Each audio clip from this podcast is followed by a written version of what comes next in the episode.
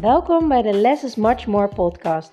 De podcast waarin je alle ins en outs komt te weten over minimaliseren en hoe je snel rust en ruimte in je huis creëert.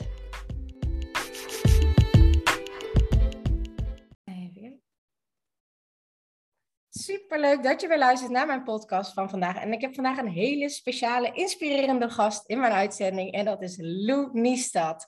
Lou, wil je jezelf even voorstellen aan mijn luisteraars?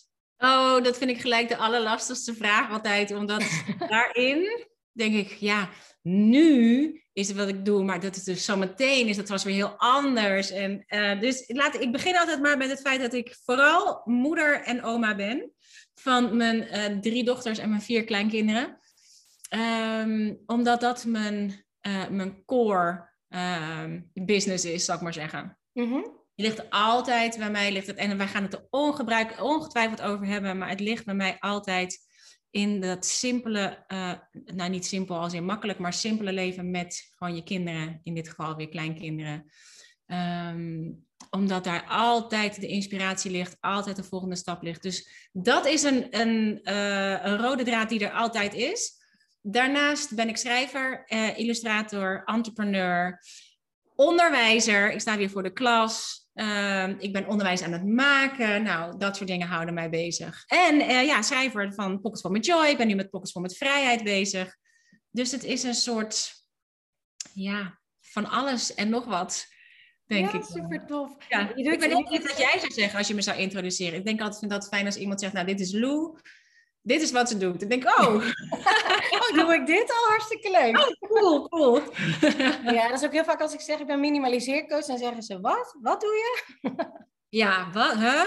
Ja, ja ik, ik, minimaliseer je huis, maar ook je leven. En ik, ik optimaliseer, zeg maar, je leven daarmee. En dat is eigenlijk wat ik doe. Dus ja, um, ja um, want ik, ik merkte zelf dat er heel veel ruis is. Veel te veel mensen hebben te veel spullen in huis. En ja. uh, ik had dat zelf ook, uh, acht jaar geleden. Ik hield zelfs de gordijnen dicht, want ik dacht, oké, okay, niemand moet nu naar binnen kijken. Want toen ik kinderen kreeg, werd de chaos helemaal compleet. En ja. uh, ik was snel, heel snel overprikkeld. En ik dacht, ja, hoe krijg ik dit nu goed? Uh, want ik wil ook een opgeruimd huis. En als vriendinnen wilden afspreken, dan zei ik altijd, ja, ik kom dan naar jou. Of ik spreek wel ergens anders af. Dus ja, die schaamte voor je huis, zeg maar. Dit, schaamte is groot, hè? Ja, en dat hebben heel, ja. veel, heel veel mensen. Alleen dat taboe, dat zegt natuurlijk niemand. Um, dus dat doorbreek ik een beetje. En ik merkte gewoon, uh, op een gegeven moment ben ik daar helemaal vol ingedoken, vol in minimaliseren. Hoe je brein werkt, hoe overprikkeling werkt, hoe uitstelgedrag werkt, hoe um, ja, uh, je werkt volgens de wet van de minste weerstand, zodat je je doelen bereikt. En waardoor je veel meer leven overhoudt. Want ja, je leven wordt elke dag natuurlijk een, een korter. Dus uh, ik vind dat je daar het meeste uit moet halen. En op een gegeven moment heb je dat geminimaliseerd, dus geminimaliseerde huis. Uiteindelijk zijn we zelfs ook nog naar een tiny house verhuisd. Zo geminimaliseerd ja. hadden we. We hebben 2,5 jaar tiny gewoon met ons gezin. En nu weer een jaren 30 woning, omdat de plek niet beviel. Uh, maar het huisje wel. En um, daarna krijg je gewoon zoveel meer vrijheid. Zoveel meer rust. En uh, ik ben ook jouw, jouw cursus aan het volgen van Pockets Full of Joy. Pockets Full of ja, Joy. aan. Super tof, want je krijgt gewoon letterlijk meer vrijheid. En dat is wat ik echt ja. Anderen ook gun. En daarom doe ik wat ik doe. En daarom wou ik ook heel graag met jou een podcast opnemen. Omdat jij, zeg maar, next level gaat op de wet van aantrekking. En maar ook van, uh, hoe krijg je meer joy in je leven? Door uh, van de kleine dingen te genieten. Voor meer vrijheid. En daar ben jij natuurlijk uh, de ja. goeroe in, vind ik. Ja, dus, onze eigen goeroe. Maar het is, ja. hebt helemaal gelijk als je zegt, het kan er ook eigenlijk voor mij ook pas uit op het moment dat alle ruis eraf is. En inderdaad, ons huis. Het is voor mij ook echt een. een uh, ik herken heel veel wat je zegt. Was vroeger bij mij ook echt een puinhoop toen de kinderen. Ik deed in mijn eentje drie kinderen. En was echt een soort van creatieve chaos. Maar ja, wel zonder dat ik dat doorhad. Een enorme prikkel. En dat is een beetje wat ik me pas veel later realiseerde. Toen wij van een klein huis naar. Toen ik samen met Pascal was, gingen we uiteindelijk naar een groot familiehuis. En daar hadden we ook een heel, was heel kunstzinnig huis met allemaal kunst aan de muur. En we hadden zo'n muur waar iedereen op mocht tekenen en schrijven. Uh, in de gang, weet je, was één plek waar je dan wel kon tekenen en schrijven op de muur. En toen wij dit huis gingen verkopen om naar deze woonboot te gaan, toen uh, hadden we natuurlijk de muren weer helemaal wit gemaakt, alle kunst van de muur, alle gaatjes dicht, muren weer wit. En dat ik echt een soort eh, alsof er van alles van me afviel. Wat ik me daarvoor, daar was ik echt verbaasd over, omdat ik dacht dat al die kunst en al die creatieve dingen, want ik ben een creatieveling, ik hou van creëren, ik maak ook van alles. Maar, en op zichzelf vond ik alles ook wel inspirerend aan zich, elk stuk aan zich, maar dat allemaal bij elkaar, dat het eigenlijk gewoon echt een kakofonie was van beeld in dit geval, waarvan ik niet in de gaten had dat het me zo prikkelde en eigenlijk onbewust overprikkelde totdat het weg was. Ja, ja, je hebt het vaak ook helemaal niet door, hè? Totdat je er echt iets gaat, rigoureus gaat veranderen. Of dat je bijvoorbeeld eh, naar een centerparkshuisje gaat of op vakantie. Dan, denk, ja. dan kom je echt tot rust. En dan denken vaak mensen dat het door de vakantie komt. Maar het komt ook een heel groot deel door de prikkels die je om je heen ervaart. Absoluut. En dat soort huisjes, die zijn natuurlijk allemaal vaak basic ingericht. Hè? Je, je, het gewoon, je hebt gewoon de standaard dingen erin. Maar er staan niet allerlei tierenlantijntjes, is niet van alles. Vinden de kasten zijn leeg, want daar kunnen jouw spullen in waarvan je je dan realiseert dat je alweer te veel meegeslept hebt daar naartoe. En, uh, maar het was voor mij echt een, een um, doordat ik het ineens zo goed kon voelen, daarvoor was ik me er gewoon niet bewust van. En het is een beetje hetzelfde. Wij wonen nu op een woonboot. We hebben natuurlijk veel water en veel lucht om ons heen. Dat geeft ook zoveel rust. En hier, we, nou, bijna geen kunst in de muur, want we hebben hier die ramen. Dus we hebben de, de natuur. Levende kunst. Eén ding nog. We hebben, twee, we hebben nog twee kunstwerken hangen. Eén uh, in de woonkamer, één in de slaapkamer boven het bed. En ik, we hebben ook getwijfeld om terug te gaan naar Amsterdam. Want de oudste twee die woonden in Amsterdam. Uh, en we hebben daarvoor al een keer getwijfeld, zullen we in Amsterdam nog een soort van familiehuis starten, zodat iedereen daar vandaan uit kan vliegen. Maar dit werd voor mij hetzelfde, dat als ik in de natuur ben, kan ik heel goed voelen dat ik ineens echt behoefte heb aan cultuur. Dat ik dacht, ik moet nu echt even naar een museum of even uh, naar een voorstelling of even iets, iets kunstzinnigs doen of iets, iets cultureels doen. Maar andersom, als ik in die omgeving ben, dan heb ik vaak te laat door. Pas als ik dan op een gegeven moment in een bos loop of naar een strand ga, dan denk ik, jemig, wat had ik hier behoefte aan? Andersom werkt dus precies hetzelfde. Dus voor mij om hier zo afgelegen op die woonboot te wonen met veel water en lucht, is, en, en, en niet al die prikkels, is, nou ja, echt fantastisch. En dan zit het nog maar in de rust en dan kan je toch de prikkels opzoeken. Ik heb dat zelf ook hoor. Ik heb rust echt wel nodig. En wij wonen ook aan een bosrand in een klein compact huisje nu dan.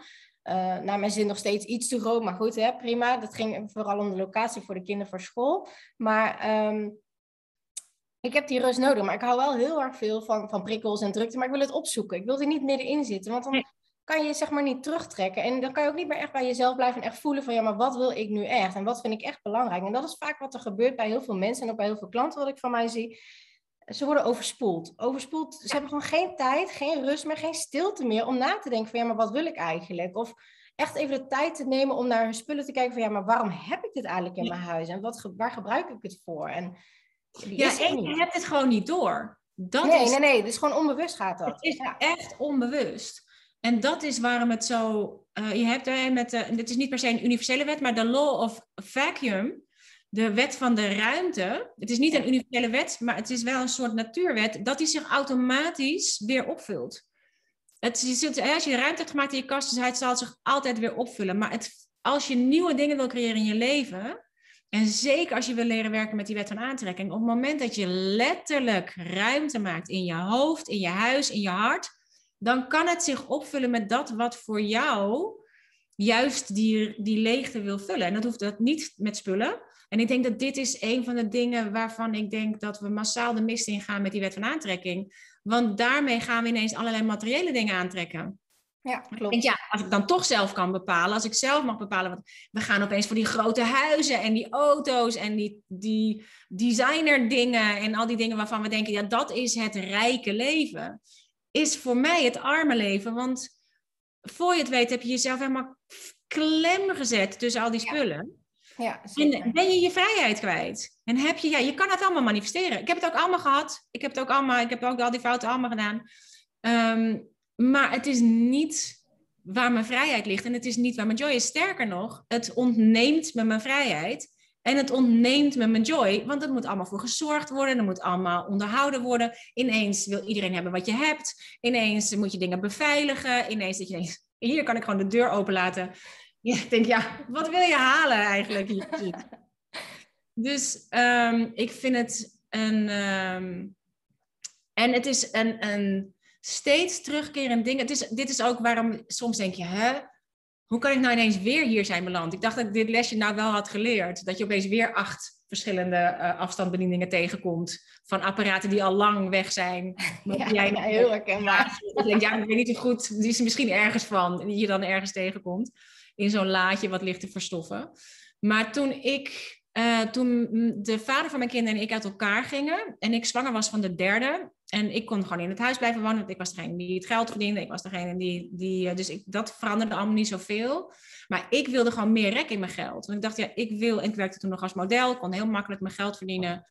En, uh, maar ik wilde gewoon zoveel mogelijk thuis zijn met die kinderen. Toen dacht ik, ik ga alles wat me, wat me echt serieus geld kost, dat ga ik eruit doen. Dus mijn auto eruit, weet je, van die dure dingen. Ja, wat elke maand uh, flinke ja, vaste lasten zijn. Ja, ik, want ik had net drie zwangerschappen. Ik was zwanger van de derde, dan werkte ik natuurlijk toch minder. Het duurde dan weer drie maanden voordat klanten weer uit gingen betalen. Dus er zat altijd zo. Dus ik had al behoorlijk wat geïnvesteerd vanuit wat ik had verdiend in die zwangerschappen.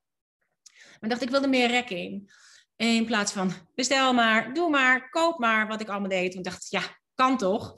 Omdat het kan, is volgens mij een van de meest kwalijke zaken die we onszelf aanpraten. Ja, omdat het kan. Ja, omdat het kan, werken we onszelf volledig in de penarie. Want ja, zet je echt klem. Ja, koop je het maar, doe je het maar, bestel je het maar. Ja, het kan toch. Nou, dat deed ik ook. En toen dacht ik, ja, dat ga ik dus allemaal niet meer doen. En ik ben alles uit mijn huis gaan doen. Zeg maar, eerst ging de auto weg. Uh, en ik ging steeds meer echt ontspullen steeds meer dingen weg. Dan denk ik, oh, dat heb ik ook niet nodig. Oh, dat heb ik ook niet nodig. Oh, dat heb ik ook niet nodig. Oh, dat heb ik ook niet nodig. En wauw, wat er gebeurde was echt fenomenaal. De vrijheid die vrij kwam, letterlijk door niet meer omringd te zijn door zoveel spullen en zoveel, uh, nou, ook al is het uh, designermeuk, het is toch meuk. Het is toch ja. Ja. ja. het is toch energie die niet meer kan stromen. Want het deed mij verder niet. Het was niet zo dat ik dacht, oh wauw, dit heb ik allemaal, fantastisch. ik had het gewoon omdat het kon. Niet dat ik dacht, nou echt fantastisch. Wat ik fantastisch vond, was dat leven met die kinderen. Met onze handen in de verf. Dingen creëren, dingen maken. Dus het, het nou, het is, daarom denk ik ook dat zoveel dingen zijn uit nood geboren. Maar daarin ligt letterlijk altijd goud verborgen. Ik dacht, ik was hier niet omdat het allemaal maar kon en allemaal maar ging en allemaal maar voorhanden was. Ja, had ik niet zelf op het idee gekomen, denk ik, om daar meer ruimte voor te maken. Ik weet niet wat, maar dat was ook echt een, een uh, eye-opener. Ik dacht, wauw.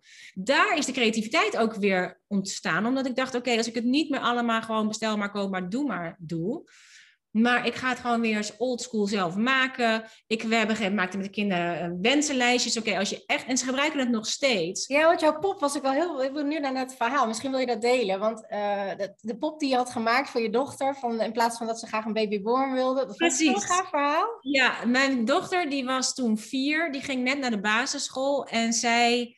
Um, zij kwam thuis en ze zei: Oh, mam, ik wil zo graag een babyborn. Nou, die had ik ook wel eens gezien. Die waren 99 gulden, want dat was uit die tijd. Mijn dochter is nu 28.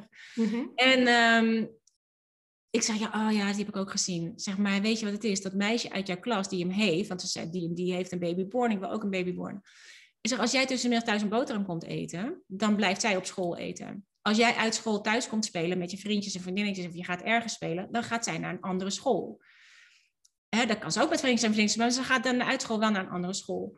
En um, zij wordt opgehaald voordat ze gaat eten. Zeg, en zij moet ook na het eten naar bed. Dus ik kan wel voor jou een babyborn kopen, maar dan gaat jouw leven er zo uitzien. Ja, ja. ja, dan moet ik gewoon meer gaan werken. Want ja, nu hebben we het zo ingericht dat we het kunnen doen met de hoeveelheid dat ik thuis ben. Toen wist ik nog niet van, toen zei ik nog, um, ik, wil, ik heb liever tijd dan geld. Tegenwoordig zou ik liever zeggen, ik heb liever tijd en geld. Hè, want ja, en, en. Your wish is my command. Dus ik had een overtuiging dat ik dacht, ik heb of tijd of geld. Ja. Dat was een verkeerde aanname. Uh, maar hè, do the best you can until you know better. If you know better, you do better. Dus ik heb daarmee ook automatisch een soort beperkte overtuiging over gehad met mijn dochter meegegeven met die pop. Maar dat hebben we later allemaal weer hersteld. Maar ik zei tegen haar, maar ik kan wel een pop voor je maken. Nou, dat wilde ze wel. En ik dacht echt, maar god, wie zei dat? Hoe ga ik dat doen? Echt, ik had, en dit vind ik ook, dit zijn ook van die dingen, het ontglipte me gewoon. En ik was er zelf zo verbaasd over, dacht ik, een pop maken? dacht ik, nou, toen ben ik me. Want ik, en ik kwam daar denk ik op, want ik was me helemaal gaan, gaan verdiepen in de antroposofie. Toen ik thuis was met die kinderen, ik vond de, de antroposofische leer vond ik van, van uh, Steiner vond ik interessant. Ik was me heel erg aan het verdiepen in. Uh, ik was toen net begonnen met de Pabo, want ik Mhm. dacht ook, als ik zometeen niet meer als model kan werken. Kijk, als model kan ik heel makkelijk, ja, al ging ik één dag in de maand naar Duitsland, dan kon ik de hele maand van leven. Dus dat was een, ehm, daar kon ik zoveel makkelijker mijn geld verdienen en zoveel meer thuis voor zijn. Dus ik dacht, ja, alles wat ik na het modellenwerk ga doen, dat moet ik misschien wel fulltime gaan doen. Nogmaals, ik had nog niet de wet van aantrekking Ja. beschikking die wist ik nog niet.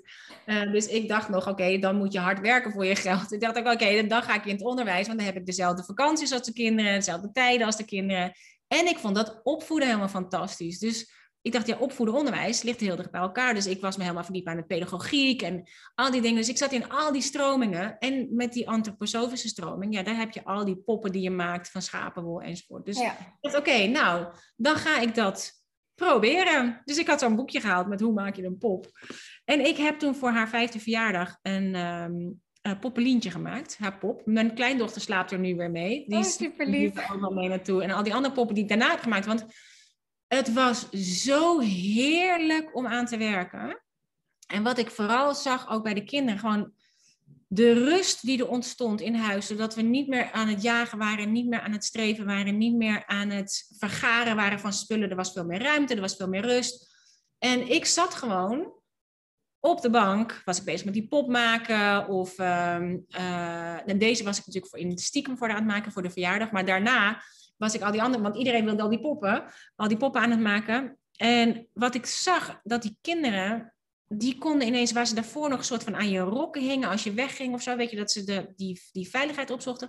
Die wisten ineens waar ik was, die voelden zelf de rust ervan, die voelden zelf de ruimte ervan. Dus die konden veel makkelijker, ja, die gingen ook allemaal hun eigen weg, die gingen hun eigen dingen creëren, gingen hun eigen dingen maken. En dan kwamen we weer samen. Ik kon mijn eigen dingen die ik moest maken voor de PABO bijvoorbeeld, eh, die kon ik combineren met mijn kinderen. Dus ik kon gewoon een soort lesjes maken met de kinderen. Ik kon het op hen uitproberen. Dus het was een super creatieve en, en heel vervullende tijd. Terwijl die keuze had ik waarschijnlijk niet zo snel gemaakt als ik in dat, ja, in een soort toch een beetje in het jetset stuk was blijven hangen. En, ehm, maar de vrijheid van dit en het plezier van het zelf creëren en het zelf maken en de, hoeveel dingen de kinderen zelf zijn gaan maken. En dat we altijd vanuit een, oh, dat kan ik wel maken, mindset kopen. Ja, je wordt er uiteindelijk veel creatiever ook in. Hè? En als je ook. eh, Over creatiever en innovatiever. Ja, ja, en dan doordat je ook heel veel gaat ontspullen, heb je ook niet meer zoveel om op te ruimen. En alles wat je hebt, daar word je blij van, of je gebruikt het Ja. ook echt. Dus eh, Ja. dat is ook heel vaak wat ik zie en wat ik zelf ook heb ervaren. Ik was altijd maar bezig met het opruimen, dat ik gek werd van de rommel. Ik werd gewoon heel erg overprikkeld, wist ik later pas, Ja. maar goed, toen nog niet. En eh, dat heeft echt wel tijd gekost van mijn kinderen toen ze nog heel klein waren. Want Ja. ja. weet je, ik had niet de rust om lekker op de bank toen te zitten. Van ja, ik, eh, ik, mama heeft alle tijd voor jullie. En door te ontspullen is dat wel gekomen. Want dan ga ik gewoon lekker met ze een spelletje doen. Ik heb niet, eh, als ik om me heen kijk, dat ik denk, oh ja, dit moet ik nog doen, dat moet ik nog doen. Nee, want die ruis minimaliseer je ook vanuit je hoofd. Eh, Ook met eh, shoppen, zeg maar. Ik weet wat ik heb. Ik, ik heb ook veel minder spullen, maar les is echt much more eh, bij mij en bij jou zo te horen ook. Ja. Ehm, omdat je niet meer het gevoel hebt van, eh, ik heb nog meer kleding nodig, want ik heb niet genoeg, terwijl mijn kledingkost vol hing. Je weet precies wat je hebt en je voelt je veel meer tevreden. Je hebt veel Ja. meer vervulling in je leven, zeg maar. Ja, ja ook omdat je, omdat je weet dat het dus echt niet in die vorm van rijkdom zit. Het zit dus echt niet in die spullen. Het zit echt niet in de grootte van je huis of de grootte van je auto of de grootte van... Het zit daar echt niet in. Maar 9 van de 10 mensen moeten dat eerst zelf ervaren, Ja, totdat ze kunnen voelen dat het dit inderdaad niet is. En dan weer terug kunnen naar simpeler. Als ze er überhaupt voor openstaan. Want omdat we het niet doorhebben, blijf je er heel vaak in hangen. Ja, en dat is ook de ruis die je gewoon mentaal ook hebt. Want iedere keer als je iets ziet, bijvoorbeeld een fase die je ooit een keer van iemand hebt gekregen waar een negatieve herinnering aan hangt, elke keer als je langs zit, dan triggert het weer wat in je brein. Uh, en dat geeft meteen weer een gevoel. En, maar dat voegt niks toe aan je leven van nu. Dus um, het zijn ook heel veel uitgestelde beslissingen van ja, dat ga ik nog wel een keer doen. En soms wordt het voor je beslist. Ik had laatst uh, met iemand een gesprek. Um, zij woonde in Limburg en ze zei: Ik had mijn kelder vol liggen met spullen van ja, dan moet ik nog een keer kiezen. En toen kwam die eh, watersnoodramp afgelopen zomer. En ze zei: Eigenlijk klinkt het heel raar, maar het was zo'n opluchting. Het was, werd gewoon voor mij beslist. En ik had bijna geen, geen meer uh, um, zoiets van ja, ik mis dit of ik mis dat helemaal niet. Nee, je hoeft die keuze niet meer te maken. Ik denk dat nee. heel veel mensen dat hebben. Ja, je, je denkt dat het je ergste nachtmerrie is en tegelijkertijd is het ook, kan het zo'n bevrijding zijn voor, uh, voor jezelf. En het is, je bent, je hebt, ik denk dat het is dat je een soort, uh, je kunt verantwoording afleggen over waarom je die spullen allemaal niet meer hebt. Dat je dat niet hebt bewaard, of die, dat je dan hebt gekregen, of, of, alle spullen van je kinderen. of Uh, weet je, al die, die dingen die, waarvan je denkt, ja, dan moet ik wel. We bewaren zoveel uit schuldgevoel. Ja, ja zeker. Ik mijn kinderen en uh, ik had het van de week nog over met, mijn, met een van mijn dochters, want die waren vroeger helemaal gek van die diddelplaatjes. Oh, ja, ja, ja. Ja, dit is dan, dan verzamelden ze al die diddelplaatjes, een beetje zoals Pokémon, dat je dat kon verzamelen. Je had zo'n hele map en je deed al die blaadjes erin. Je had natuurlijk allemaal van die diddelblokken. En zij hadden eh, geld gespaard en ze hadden van alles. En toen had mijn dochter in één keer voor 50 euro allerlei diddelblokken gekocht bij de boekhandel. En ze kwam thuis, maar helemaal een soort van oververhit. Echt, maar letterlijk met klotsende oksels. Weet je, dat je, enerzijds was ze er heel blij mee, maar anderzijds voelde ze zich er zo ongemakkelijk door. Dus toen had ik met haar gesprek erover. Ik zeg, het, want het, het gesprek ging vooral over de hebberigheid. Dat je dan niet kunt, je weet dat het eigenlijk niet is wat je wil. Want ze, ze heeft maar één of twee van die blaadjes nodig. Ze heeft niet een heel blok nodig, want het gaat om het ruilen ervan enzovoort. Maar ze heeft ja. alle geld erin gestopt. En ze zei, ik werd zo hebberig ineens ervan. Ik moest het hebben. En nu heb ik het. Maar denk ik, had ik nu dat geld nog maar gehad? Want zij houdt letterlijk van fysiek geld. Ze is een van de weinige mensen die ik ken die van fysiek geld houdt. Ja. En een keer naar de kunstrij gegaan, toen waren ze mee. En toen kwamen we, toen we binnenkwamen, ze hadden een hele stellage was er met allerlei, hadden ze allemaal van cd'tjes, allemaal van die blink. Dus het is echt een soort kraai. Zij houdt letterlijk van blinkend geld en ringen en, en juwelen en dat soort dingen. En ze heeft ook wet van aantrekking, ze kan dat allemaal manifesteren. Maar we keken naar al die kunstwerken en dan met name naar die prijs die erbij hing. En zij kijkt naar mij en zegt, mam, ze zegt, nou echt? Ze zegt, ik zou gewoon dat geld wat dat kost, dat, zeg, dat zou ik in een lijst willen stoppen, in zo'n plexiglas lijst, gewoon helemaal vol met al dat geld. En daarnaar kijken. En dat is, dat is kunst. En dat is voor haar kunst. Maar zij houdt dus niet van. Zij houdt, dit is waar, daarom ik er zo van hou. Zij houdt gewoon van het fysiek geld. Zij is een van de weinige mensen die ik ken die gewoon letterlijk van geld houdt. De meeste van ons die willen geld omdat we iets anders willen. maar zij houdt het middel. het middel. Ze is echt een van de weinigen die, die ze is zo'n Dagenbeck Duk, die houdt van fysiek van dat geld. En ze doet het ook altijd. En, ze, en ze, ze investeert erin. Ze, ze haalt supergoeie designerspullen. Die haalt ze ergens voor een prikkie. Dan gaan we weer hele roadtrips maken om het op te halen. En dan verkoopt ze het weer. Voor dat fysieke geld. Ze heeft dan niet iets met. En ze houdt enorm van handelen en ze houdt enorm van, van het vinden van de schat. Oh, en dan even, even. En dan heeft ze de schat gevonden. Ja, dan kan hij gewoon weer weg. Zij weet heel goed dat het daar niet in zit. Maar ze vindt ja. dan gewoon super cool. Als een soort kraai gaat zij door het leven. Verzamelt van alles, verkoopt het weer. En um, dus met haar, dat gesprek was echt een heel goed gesprek. En vanaf dat moment zei van, dit is wat we allemaal doen. We hebben een soort je kan het letterlijk voelen in je lijf. Je kan inderdaad gewoon letterlijk voelen dat je hartslag omhoog gaat, dat je korter gaat ademen, dat je voelt dat er een soort verkramping, een hebberigheid op zit. Zeg, dat wil je laten zakken, want als je vanuit dat iets koopt, is het altijd vanuit een gehaast gevoel vanuit eigenlijk vanuit schaarste. Je bent bang dat het er niet meer is als je, uh, als je er te lang over. Je wil er eigenlijk niet over nadenken, want je weet diep van binnen dat het eigenlijk niet is wat je wil. Dus vanaf dat moment hadden wij 30 dagen wishlist. Dus elke keer als ze wat wilden hebben, oh, wat goed. dan schreven ze op een 30 dagen lijstje. Zeg, als het over 30 dagen, of ze maakte, en ze maakte toen al uh, vision boards. We hebben onze hele familiejournal staat vol met plaatjes van scooters, uh, telefoons, weet je, al die dingen die ze wilden, die ze uiteindelijk ook allemaal gemanifesteerd hebben. Maar ze gingen allemaal, en dit is natuurlijk ook niet iets wat je eventjes koopt, maar alle dingen gingen op een 30 dagen lijstje. Als je het over 30 dagen nog steeds wil, dan is het een echt verlangen. Ja, dan is het geen impuls. Ja. ja, dan is het geen impuls. Maar wacht tot dat zakt. En je zult, want als je het meteen doet, ja, dan wordt het, komt er iets anders voor in de plaats wat je dan weer meteen wil hebben. Want het zit echt in het, in dat nieuwe ding. Je wil nieuwe impulsen, je wil nieuwe dingen hebben. Ja. Dus zij, en dat gebruikt ze nu nog steeds. Zegt, ja, het is gewoon zo'n goede manier van, van het, ze zegt, nou, negen van de dingen weet ik niet eens meer wat erop staat. Het is, dat is het, hè? Ja, en het is ook leuk, want je hebt weer eens een verlanglijstje, omdat je het niet zelf meteen alle minuut hebt aangeschaft, omdat het kan. Of, um, dus dat is dat 30 dagen lijstje, die wishlist. Dat is een heel fijne, ook om met je kinderen te doen. En laat ze er maar vision boards van maken, plaatjes plakken, uh, dingen waarvan ze denken, oh, dat lijkt me echt fantastisch. Dat is eigenlijk ook met Sinterklaas zo. Hè? Bij, bij mij mogen ze altijd het hele boek uitknippen. Uh, en dan uiteindelijk gaan ze het helemaal filteren tot vijf dingen die ze echt heel graag willen hebben. Eerst zeggen ze altijd, nee, ik wil alles hebben. Ze zijn ja. zes en zeven. En uiteindelijk zeg ik, nou, als je maar vijf dingen uit mag kiezen, wat wil je dan echt? En dan, dan gaan ze echt veel dieper kijken. En van, oké, maar waar word ik nou echt blij van? Of hè, misschien heb ik al zoiets. En uh, hoef ik niet uh, drie buggies te hebben of wat dan ook. Want het heeft totaal geen zin. Want je kan toch niet alle drie tegelijkertijd gebruiken. Um, tenzij je een drieling hebt dan wel. een drielingpop. Maar uh, dat hebben ze hier niet. Um, dus dat werkt heel goed om daar, om daar een rem op te zetten. Maar het grappige is, uh, vaak krijgen ze één, of, of één ding wat ze echt heel graag willen hebben. En voor de rest een beetje eromheen. Want ik geef niet heel veel spullen meer. Ik geef veel meer ervaringen. Omdat ja. ervaring iets is wat je onthoudt. En ik, ik ben echt van overtuigd. En ik weet zeker als je 80 bent en terugkijkt op je leven. Als je dat mag halen. Hè? Want er zijn heel veel mensen die ja. het helaas niet halen. Ook in mijn omgeving niet. Mijn moeder is bijvoorbeeld maar 60 geworden.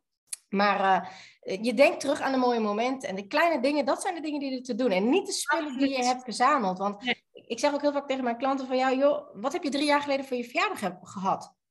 Weten ze niet meer. Ik weet het meer, nee. Het gaat niet om die spullen. Het gaat om het gevoel wat het oproept en uh, wat je ermee kan doen. Want natuurlijk, ja. als je geen kaasgraaf hebt en je wil graag kaas eten... dan wordt het een beetje lastiger. Maar Weet je, je hebt met zoveel minder kan je eigenlijk mee vooruit. En daar was ik eigenlijk ook nog wel benieuwd naar. Wat is jouw visie eigenlijk over spullen wegdoen die veel geld hebben gekost? Want je zei ook van ja, ik ben van een groot huis naar een klein huis gegaan. Ik heb ook veel designerspullen weggedaan. Want dat is echt een ding waar mensen echt heel veel moeite mee hebben. Want het heeft nou eenmaal geld gekost. Uh, en daardoor houden ze in hun huis. Maar eigenlijk ze ja. worden er niet meer blij van. Ze gebruiken het niet. Ze verplaatsen het alleen maar. En het blijft daar eeuwig in, in je huis rondcirculeren, zeg maar. Ja, wij hebben toen, want wij gingen natuurlijk van een groot familiehuis naar een uh, klein, veel kleinere woonboot. En, want alle kinderen waren uit huis. En uh, wat wij hebben gedaan, want dat doe ik in Los Angeles. Mijn zus die woont in Los Angeles. En daar heb je altijd van die estate sales. En wij gaan altijd kijken. Zo hebben we de spullen voor haar huis daar gekocht. Oh, maar ze, daar, daar verkopen ze alles. Als ze hun huis verkopen, en zij woont in Beverly Hills. Dus die, uh, die huizen daar, dat zijn echt estates. Dat zijn Kastelen.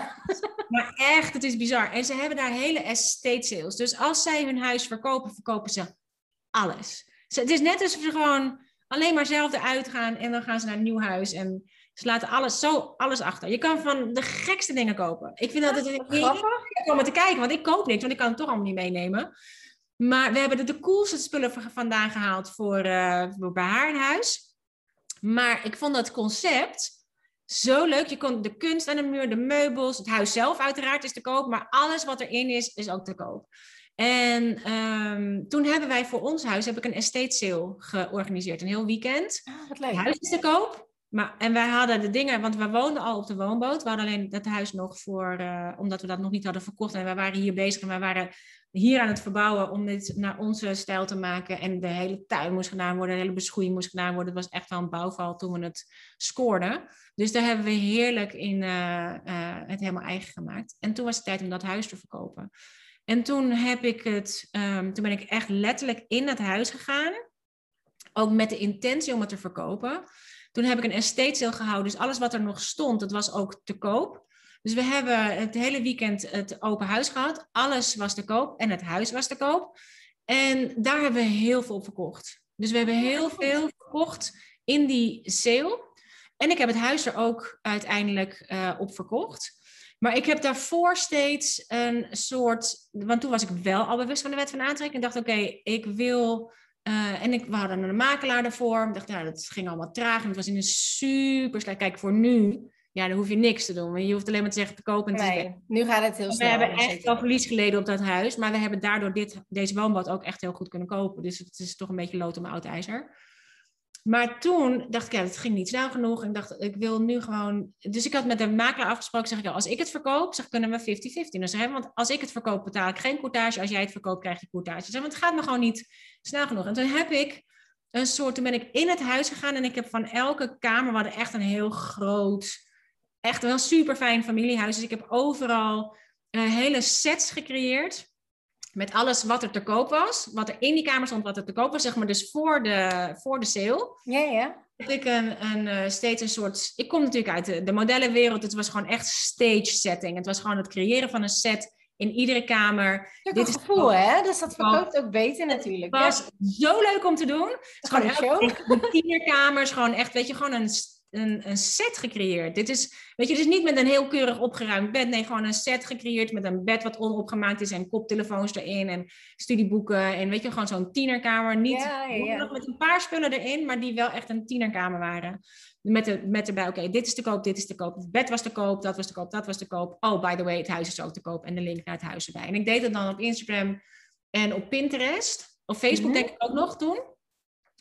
En, uh, maar dit is wat je wil doen. Je wil ook de wet van actie. Je wil niet alleen de wet van aantrekking, je wil de wet van actie. De law of attraction, het grootste woord is action. Dus je moet wel wat doen. En dat was, dit was echt een vorm van inspired action. Maar dan moet je dus iedere dag een set creëren, posten. Dus ik had 21 dagen of zo voordat die sale was. Gewoon om iedereen ook naar die sale te krijgen. Dit is te koop, dit is te koop, dit is te koop. Oh, by the way, het huis is ook te koop. Dus elke keer die linken, overal van die sets gecreëerd. En het zag er super, super cool uit. Oh, tafels gedekt. Weet je, gewoon echt in de, in de bar aan de keuken ah, gedekt. mooi. het bad vol laten lopen, boek erbij, wijn. Weet je, gewoon dat beeld gecreëerd. En um, dus tegen de tijd dat, de, uh, dat die sale was, hebben we echt bijna alles verkocht. En het huis verkocht. Dus, en het huis was eigenlijk verkocht. Die, degene, er kwam iemand die belde, ze was niet op de sale geweest, maar zij belde na die twee dagen. En ze belde zij s'avonds, ik had net die sale gehad. En zij belde en zei ze, ja, wil je het ook verhuren, het huis? Ik zei, nee, zeg, we willen het echt verkopen. Zeg, en als we het gaan verhuren omdat we het niet nu kunnen verkopen, dan gaat het naar vriendinnen van onze kinderen, die er gewoon zo lang in kunnen, zodat ze er meteen uit kunnen als we het wel verkopen. Dus daar heb ik aan toegezegd. Dus ik ga het niet verhuren, zeg maar, het is wel te koop. Ja, zegt ik wil eigenlijk niet in daar wonen en eh, dit en dat. En ik wil eigenlijk een tuin op het zuiden, bla bla. Ik zeg, nou, zeg, we hebben eigenlijk de hele dag zon. Dus ik had een heel verhaal met haar. En uh, ik zei, nee, waarom kom je anders niet gewoon kijken?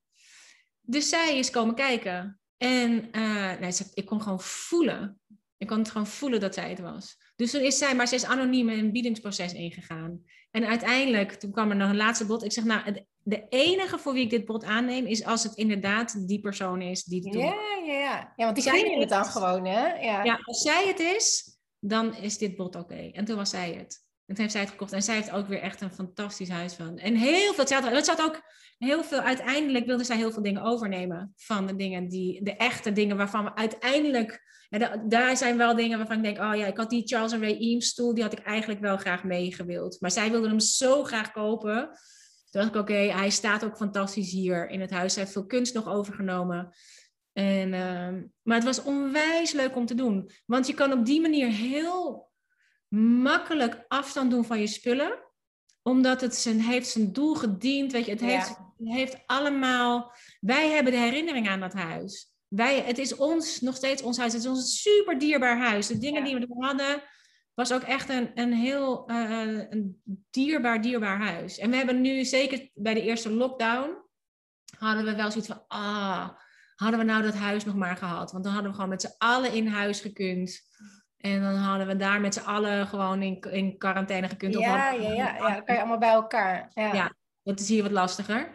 Maar ehm, het, het is een hele fijne manier om van je spullen. Je neemt, ik heb letterlijk afscheid genomen van mijn spullen. Want het waren allemaal echt mooie dingen. Want inmiddels had ik wel alleen nog de dingen die, waar ik echt van hield. En ook, is natuurlijk ook, welke ruimte je weer nieuw had. Dus dan, dan kon je het zeg maar al op inrichten. Want dan zie je ook bijvoorbeeld van ja, ik heb maar zo groot als keuken. Meer gaat er gewoon niet mee. Het past gewoon niet. Nee, nee.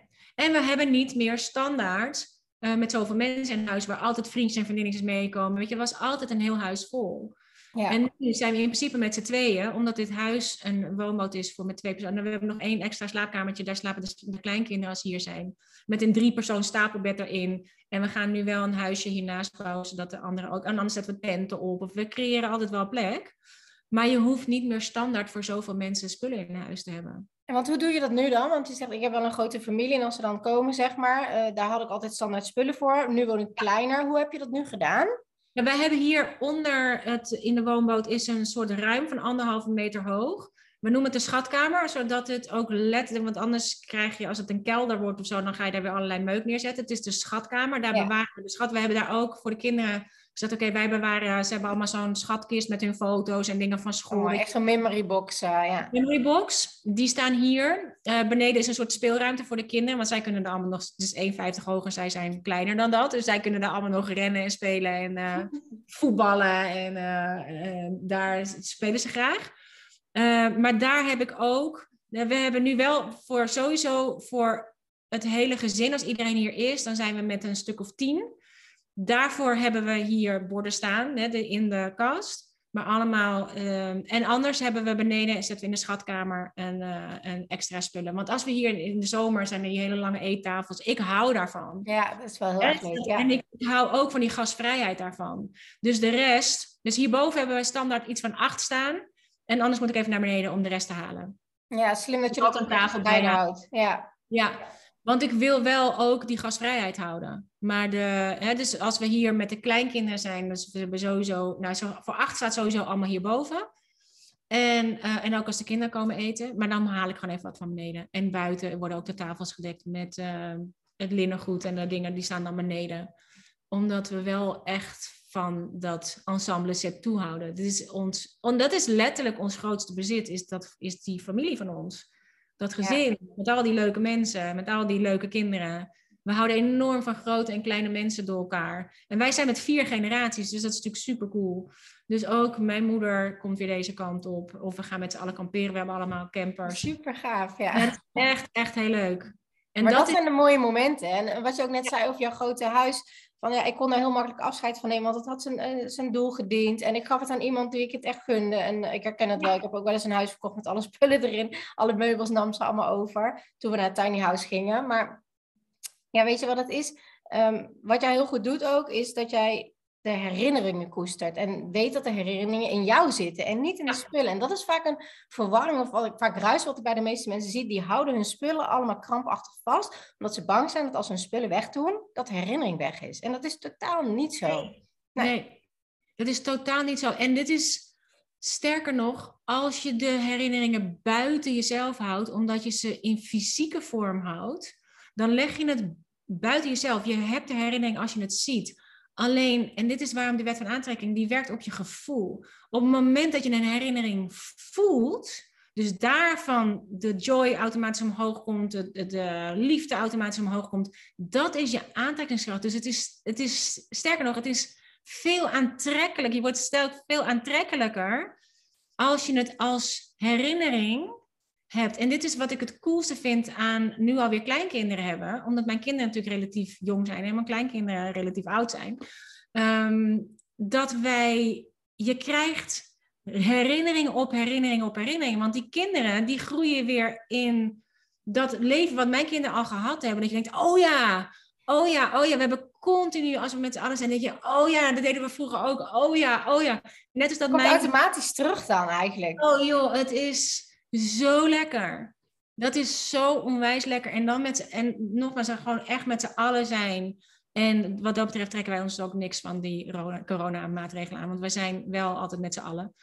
En ehm, dat is ook een, het is zo'n rijkdom. Dat je denkt, ja, die ruimte wil je gewoon hebben of creëren of maken. Maar dat hebben we, wij hebben toen Pascal en ik samen waren, toen, wij, toen ik Pascal ontmoette was Jip 2, de jongste 2, mhm. en uh, Keesje 5. Kees was vijf, Jimmy was drie en Jip was twee. En toen kwam Pascal in ons leven. En toen zijn we een jaar later zijn wij naar ook een soort tiny house verhuisd in, ehm, met een enorme tuin erbij. En dat was ook zo'n fantastische plek om te wonen. Die kinderen konden nou hutten bouwen, de hele dag buiten. We hadden een moestuin, zelf dingen maken. Het was echt heaven. Een piepklein huis, we hadden twee slaapkamers. De kinderen hadden één slaapkamer met z'n drieën. Pascal en ik hadden een slaapkamer. En dit is, waarom ik zo, dit is waarom het zo je creativiteit aanwakkert. Niet alleen van jezelf, maar ook van je kinderen. Want Keesje, die, de oudste, die was op een gegeven moment negen en die wilde heel graag een eigen kamer. Ik zei, schat, die heb ik niet. Want ik dacht met mijn logische mind, we hebben twee slaapkamers. Pascal en ik hebben een slaapkamer. Jullie hebben een slaapkamer. Ja. Al die ruimdenkende is en ik. Die zei, schat, waarom geven we Kees niet onze kamer? En dan gaan wij gewoon beneden slapen. Dan maken wij gewoon een kamer, een, een bed in de kamer. Is toch ook prima? En ik dacht gelijk, oh, ja, ook prima. Dus Kees dacht, Kees helemaal gelukkig met de eigen kamer. Pascal en ik uh, moesten wel s'avonds even elke keer een bed maken in de woonkamer. Prima. Um, je hebt blijkbaar dingen over voor je kinderen. waar we, maar waar we eigenlijk gewoon super veel plezier in hadden. Want ineens hadden wij openslaande deuren naar de tuin in onze slaapkamer. Want onze slaapkamer was een woonkamer. En um, Jimmy, de middelste, die zei: Oh, mam, ik wil ook zo graag een eigen kamer. Ik dacht: Ik zie het niet. Want is er ja, je bent nog niet oud genoeg om uit huis te gaan. En ik heb hem niet. Nou, maar Jimmy had het wel gezien. Die zei: Ja, maar mam, die kast op het mini-mini gangetje boven. Was een, ze hadden zo'n schuin dak en daar hadden van die jaloeziedeuren en daar was zo'n schuine kast in. Ja, ja, ja. Daar is een kledingrek en daar hingen Pascal's spullen in. En daar hing Pascal's kleding in. Dus hij zegt, volgens mij past mijn matras precies in de kast waar Pascal's spullen hangen. Een bedstee eigenlijk. Bedstee eigenlijk. Ik zeg, ja. Ik zeg, maar wat ga je dan doen met Pascal's spullen? Nou, zegt ze, als Jip toch de grootste kamer heeft dan, dan kunnen we toch een kast maken op de kamer van Jip en kunnen daar toch de kleren heen. Ik zeg, nou ja, ga maar vragen. Dus zij Pascal bellen. dat is aan het werk. En ze zegt, en dan zegt ze, volgens mij past mijn matras precies in jouw kast. Mag ik van jouw kast een kamer maken?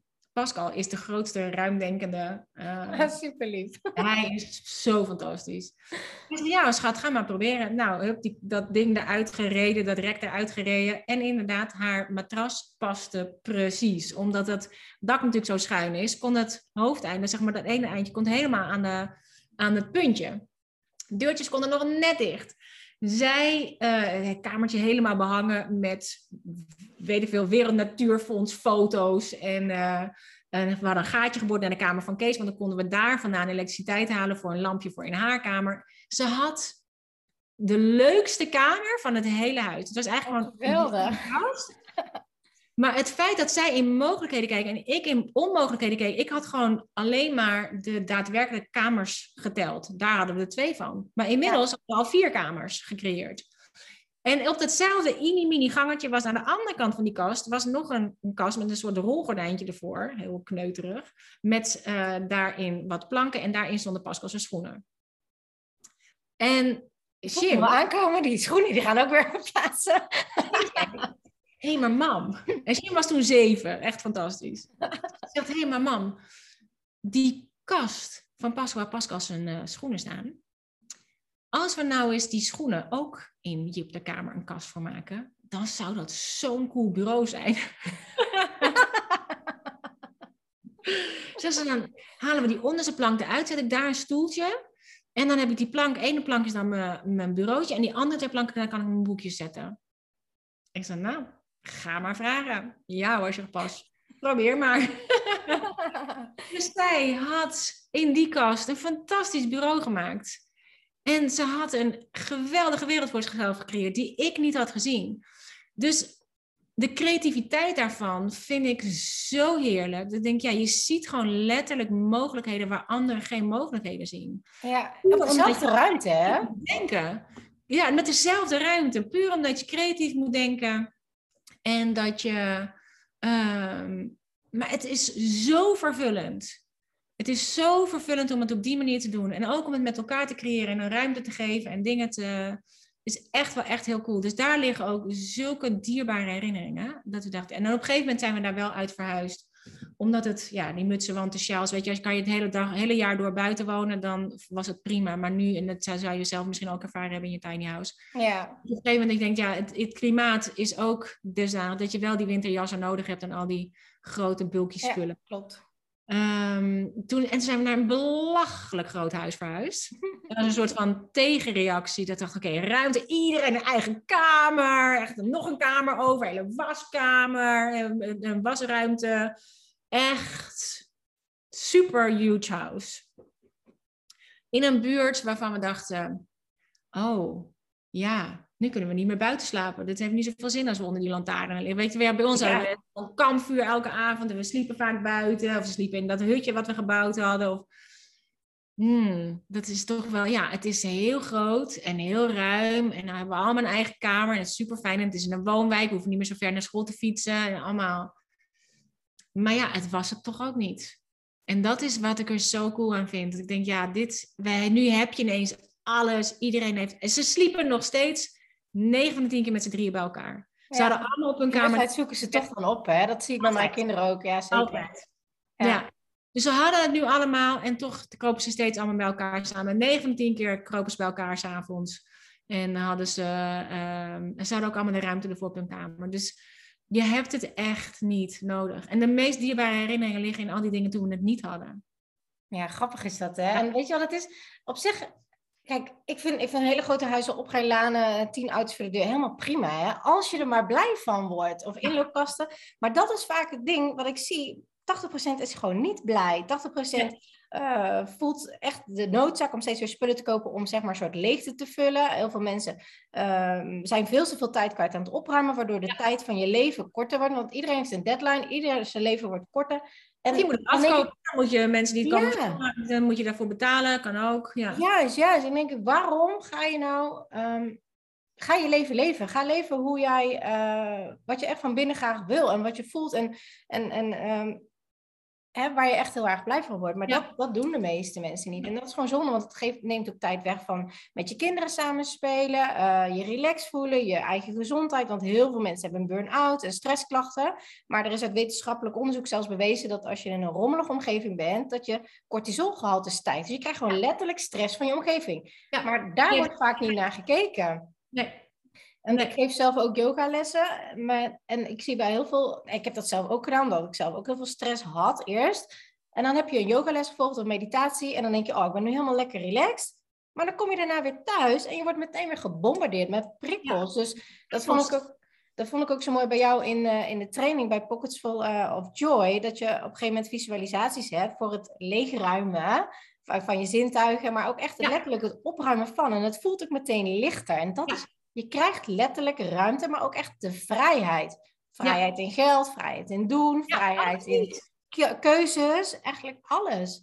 Dus met... Ja, want dat is met Pocketful met vrijheid, waar ik nu natuurlijk mee bezig ben. Of tenminste, het is nu uh, naar de druk. Ik ben het zelf het experiment aan het doen. Oh, superleuk. Um, daarin ga je ook letterlijk die vrijheid weer creëren. Omdat je, je moet het eerst ervaren om het te kunnen voelen. En, en als het gaat om vrijheid, dan heb ik ook, uh, ben ik ook echt aan het merken en dat is een quote van uh, Gloria Steinem. The truth will set you free, but first it will piss you off. ja. Ja. En echt, ja, maar echt, dat je denkt, wauw, wat heb ik veel uh, belemmeringen gecreëerd voor die vrijheid. Wat heb ik er veel uh, bovenop gegooid. Het lag er gewoon. Het lag gewoon voor het oprapen, maar we hebben het gewoon helemaal onder laten sneeuwen door allerlei dingen die we niet nodig hebben, allerlei dingen die we eigenlijk niet willen, allerlei dingen die we eigenlijk niet, uh, niet hoeven. Of het is echt, maar ook bij mezelf weer, dat ik denk, Jezus. Ik dacht dat ik echt wel al een stuk bevrijd was van dingen. Echt, je komt jezelf tegen, je, je gaat erin naar je jongere zelf. Dus naar die oorspronkelijke zelf. Je gaat ook naar je, naar je, sowieso naar je hogere zelf, naar je future zelf. Dus waar wil je heen? Naar je jongere zelf en naar je lagere zelf. Dus je gaat naar, dat, naar je hele zelf. Dus wat er in het onderbewustzijn ligt en wat er in je bewustzijn ligt. Nou, we zijn, ik ben me redelijk bewust van mijn bewustzijn. Maar er ligt zoveel meuk in het onderbewustzijn. Alsof ik ook een heel ruim heb in mezelf. Maar dat is dan niet een schatkamer, maar gewoon dat je daar echt al die meuk hebt opgezet. Ja, een rommelkamer. Dat moet ook geminimaliseerd worden. My goodness, the truth will set you free, but first it will piss you off. Maar dat is ook goed, want daardoor krijg je ook wrijving en dan, dan voel je ook echt een noodzaak om iets te gaan doen. Als je echt dan kapot en irriteert aan een volle kast waar steeds wel alles uitvalt, dan ga je ook wat doen. Want anders zie je niet dat het echt noodzakelijk is. En dan het belemmert je toch, ook al heb je het niet in de gaten. Je hebt het niet in de gaten. En nu, doordat je die lagen er weer af gaat halen, heb je het heel goed in de gaten. En dan zie je ineens wat je eigenlijk allemaal aan het doen bent. En hoe dat je niet dient en hoe onvrij je dat maakt. Dus het is echt ook voor mezelf weer zo'n goed experiment om te doen. Ik dacht, nou, ik dacht dat ik redelijk vrij was. Ha, ha, ha. ja, maar dat is ook vaak met keukenmachines. Hè? Dan denken mensen, oh, dan koop ik dat, want dan kan ik veel sneller iets maken. Ja. Maar ze vergeten alleen eventjes dat ze daarna ook dat ding nog moeten schoonmaken, moeten afstoffen, moeten verplaatsen. Dus uiteindelijk, waar heb je dan meer tijd mee bespaard? Maar want ik heb net ook weer er vol in gegaan, want ik wilde ineens ook meedoen met al die, die juice dingen. En ik had voor, nou, ik geloof 450 euro. Want ik moest meteen een goede hebben, want ik moest wel een slow juicer hebben. En ik was helemaal meegegaan die hele, uh, hoe heet het ook weer, medicine, uh, nog iets.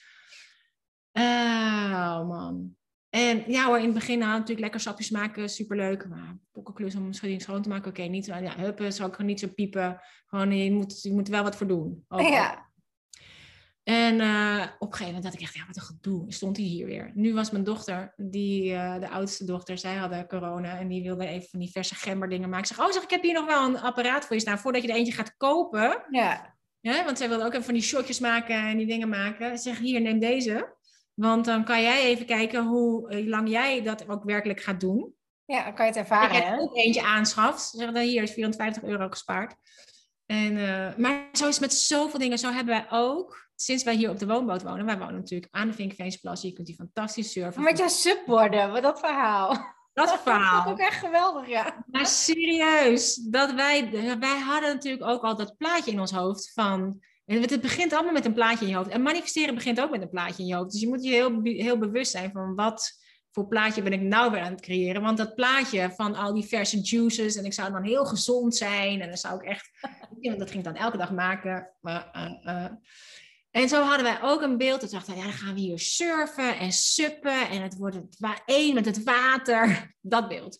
hadden we twee hele dure, want dan willen we wel kwaliteit. We willen wel. Heel herkenbaar, ja.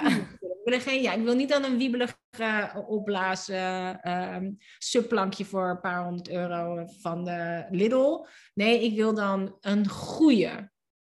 En we hadden dan eentje gekocht, een combinatieplank. Dan kon je en op surfen en op suppen. Dus wij hebben geloof ik voor 2000 euro per plank, zeg maar 2500 euro per plank, want er moesten natuurlijk zeilen bij, dingen bij. Ik zeg zeker 5.000, 6.000 euro hebben wij die planken gekocht. Nou ja hoor, in het begin, hup, de plank, plas op, wauw, kijk ons. Kijk ons, in mijn hoofd ziet het er ook veel beter uit, eerlijk gezegd. In mijn hoofd zag ik mezelf echt roetje over dat water, jongen. Ik kon echt bijna van die headdips maken met surfen. En dan, ik had zo'n plaatje als vision op mijn telefoon van zo'n dubbele boord. Een man en een vrouw, zo heel blij met die armen wijd op die plank en helemaal zo uit de lucht. Heel relaxed, ja. Relaxed en zo'n bikini body, wat je natuurlijk ook wil met al die sapjes.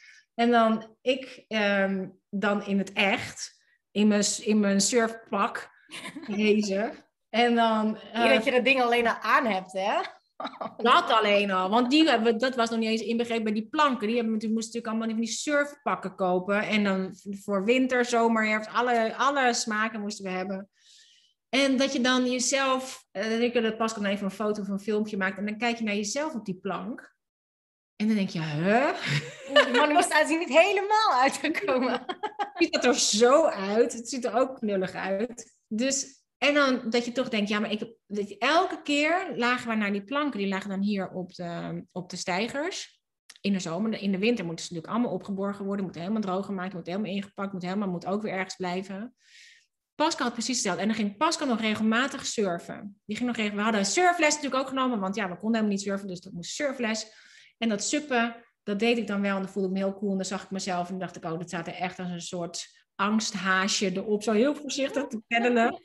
Dus de realiteit was, zeg maar, eh, heel anders dan het plaatje in mijn hoofd. 9 van de 10 dagen lagen die surfplanken hier op de, op de gang. Uh, niet op de, op de, op de stijgers. Mm komt ook gewoon allemaal algen op. Moet ook allemaal gewoon schoongemaakt worden. Moet elke, dat zeil moet elke keer erop en er weer af en droog gemaakt. En dan heb je het net droog en het gaat regenen. En Pascal zei op een gegeven moment, schat, we gaan ze verkopen. Ik zeg, verkopen? Uh, nee joh, dit is zo, we gaan toch, uh, we gaan toch hier, heel, dat was toch, we wilden toch één met dat water en jij gaat er echt op. En dit was toch de ontspanning als je uit je werk kwam en nog zo heel vasthouden aan ja, beeld de keuze die je al gemaakt hebt en het beeld waar je naar aan toe aan het werken bent. En Pascal zei, nee schat, ze, ze liggen hier. Elke keer als we ze zien, zien we die, dat we ons weer hebben laten verleiden. En dat is eigenlijk een beetje met al die dingen die we dan steeds toch weer opnieuw doen. Dat je, je, elke keer als je het ziet, heb je eigenlijk, terwijl we ze hebben gekocht voor een gevoel van vrijheid, elke keer als je ze ziet, voel je je onvrij. Want je denkt, oh ja, moet eigenlijk moet ik suppen. Terwijl je denkt, ja, maar eigenlijk wil ik gewoon nu een boek lezen of even iets anders doen. Of ik heb eigenlijk helemaal geen tijd hiervoor. Of ik wil eigenlijk helemaal niet. Dan zet je jezelf eigenlijk klem hè, in het beeld wat je zelf hebt gecreëerd. Precies. Dus Pascal, die heeft ze verkocht. En elke keer als we langs de lege stijger lopen, denken we, oh, lekker hè? lekker. En dat je denkt, wauw, dit is het tegenovergestelde. Die vrijheid zat dus veel meer in het niet hebben van die dingen, dan in het wel hebben van die dingen. En in mijn hoofd kan ik overal heen reizen. Ik kan nog steeds nu over dat waterroetje. Uh, alleen, ik hoef er niet op. Ik hoe kwam het dat je het dan toch kon loslaten? Dat kwam wel autopas door, eh, omdat ik, kijk, je weet het je weet het. Op het moment dat Pascal het zei, wist ik het ook. Ik wist het daarvoor. Hij, nog voordat hij het zei, wist ik het. Want ik zag ze elke keer. Dus het is vooral het aan jezelf toegeven dat je er gewoon weer door hebt laten verleiden. Dat je weer. Nee, maar dit is echt. Deze keer is het echt anders. Deze keer is het echt anders. Nee, dit is echt. Dit zo echt gebruiken, ja. Zo verkopen we ons vanzelf dus van alles. Die 6000 euro hadden we aan hele andere dingen kunnen, kunnen uitgeven. Of niet kunnen uitgeven. Gewoon, je hoeft het ook niet allemaal uit te geven. Dus hè, iets niet uitgeven is ook geld verdienen. Dus ja, het is echt work in process. Het is elke keer weer. Uh, omdat je jezelf gewoon niet goed genoeg kent. Je neemt jezelf. Ja, dit komt allemaal uit het onderbewustzijn. En het zit allemaal in die de, de, de behoefte om iets te hebben en te bezitten. En het is van mij. Het zit er gewoon van, van de jongs af aan in. Ja, het is een conditionering die zeg maar loopt en, waardoor je dit soort dingen doet. En het is wel grappig om te horen dat eigenlijk eh, je gevoel van vrijheid kwam pas op het moment dat je ze losliet. Ja, en daarom is het ook nooit erg. En daarom is het niet erg als we dit soort fouten... Als niet, het zijn ook geen fouten. Als we dit zijn lessen, ja. Alleen de les komt pas achteraf. En ik weet nu, kijk, en dit is, dit is ook een, deze, deze hadden echt niet 30 dagen op dat lijstje gestaan. Dit was gewoon één avond samen. Wat, wat geeft jou joy? Oh ja, dit. Dus het kwam ook voort uit Pocket for My Joy. En uh, dus ook daarvoor geldt, het is een idee wat we erover hebben. En toen hebben we het gewoon meteen gedaan. We hebben niks 30 dagen lijstje, niks ons eigen dingen uh, toegepast. Niks practice what you preach. Gewoon hup, meteen kopen. Kom op. Ja, en dan ga je, uh, dan maak je dit soort keuzes die uiteindelijk je van je vrijheid beroven. Maar aan de andere kant ook wel goed, want je experimenteert er wel mee. Je, je koopt het en je, je kijkt van ja, is het wat voor mij of niet? Gebruik ik het of niet? Vind ik het fijn of niet? En als je merkt dat dat niet zo is, wees dan eerlijk inderdaad naar jezelf wat jullie hebben gedaan en laat het weer los. Ja. En dat is vaak het, het punt waar het in zit, dat mensen het wel weten, maar dan niet durven loslaten. Want wat nou als het dadelijk toch uh, 40 graden wordt en ik toch wel weer op die glas ga? Ja, nou ja, dan zijn die ongetwijfeld uh, surf dingen waar je ze kan huren, subklassen waar je ze dat kan huren. En ja, ik heb het gewoon lang genoeg, ze hebben hier lang genoeg gelegen om te weten voor mezelf dat uh, hè, een heel seizoen, alle vier seizoenen, ze hebben hier langer dan een jaar gelegen. En ik heb er niet uh, dermate gebruik van gemaakt. Dat ze, en echt de vrijheid van het niet hebben is zoveel groter. Ja, bijzonder eigenlijk, hè? Ja, ja absoluut. Dus je maakt jezelf uh, allerlei illusies over hoe het leven gaat zijn als je dat hebt. Als ik dat heb, dan. We trappen er massaal in. Als ik dat heb, dan ben ik vrij. Als ik dat heb, dan uh, mijn eerste pagina van uh, Pockets Vol met uh, Vrijheid, mijn experimentenboekje, is een pagina en daar staat op de, the coolness of the uncool. Ja. Het, gaat, het is voor mij het coolste wat is gewoon van de simpele dingen. Het echt, het gewoon moeder zijn. Het gewoon, ik, ik doe air quotes, want ja, ja. je zien als je zit te luisteren. Maar we moeten denk ik stoppen met überhaupt te zeggen, oh ik ben gewoon moeder of ik ben gewoon uh, want er is niks gewoons aan. Hè? Maar het, het simpele leven van de moeder zijn, een nana zijn, een partner zijn, een leerkracht zijn. Um, een, terwijl als je gaat kijken naar de, de, de coolness daarvan, van de gewone beroepen, van de, van de uh, ik hou ervan. En we gaan natuurlijk toch, en dit is denk ik de paradox van het hele werken met de wet van aantrekking. En de, uh, omdat zoveel daarvan gaat over het manifesteren van ja, weet ik veel, we willen allemaal die seven-figure business. En de, tegenwoordig moet het alweer een eight-figure zijn, want die seven figures is natuurlijk ook allemaal nog maar zo-zo. En uh, het vergaren van die spullen. En we hebben toch allemaal een verkeerd beeld van uh, wat succes is. En wat, hè, dus voor je het weet ga je dat najagen, maar daar ligt het niet. Nee. Het, ligt, het ligt echt in het vinden van die extraordinary dingen in die ordinary dingen.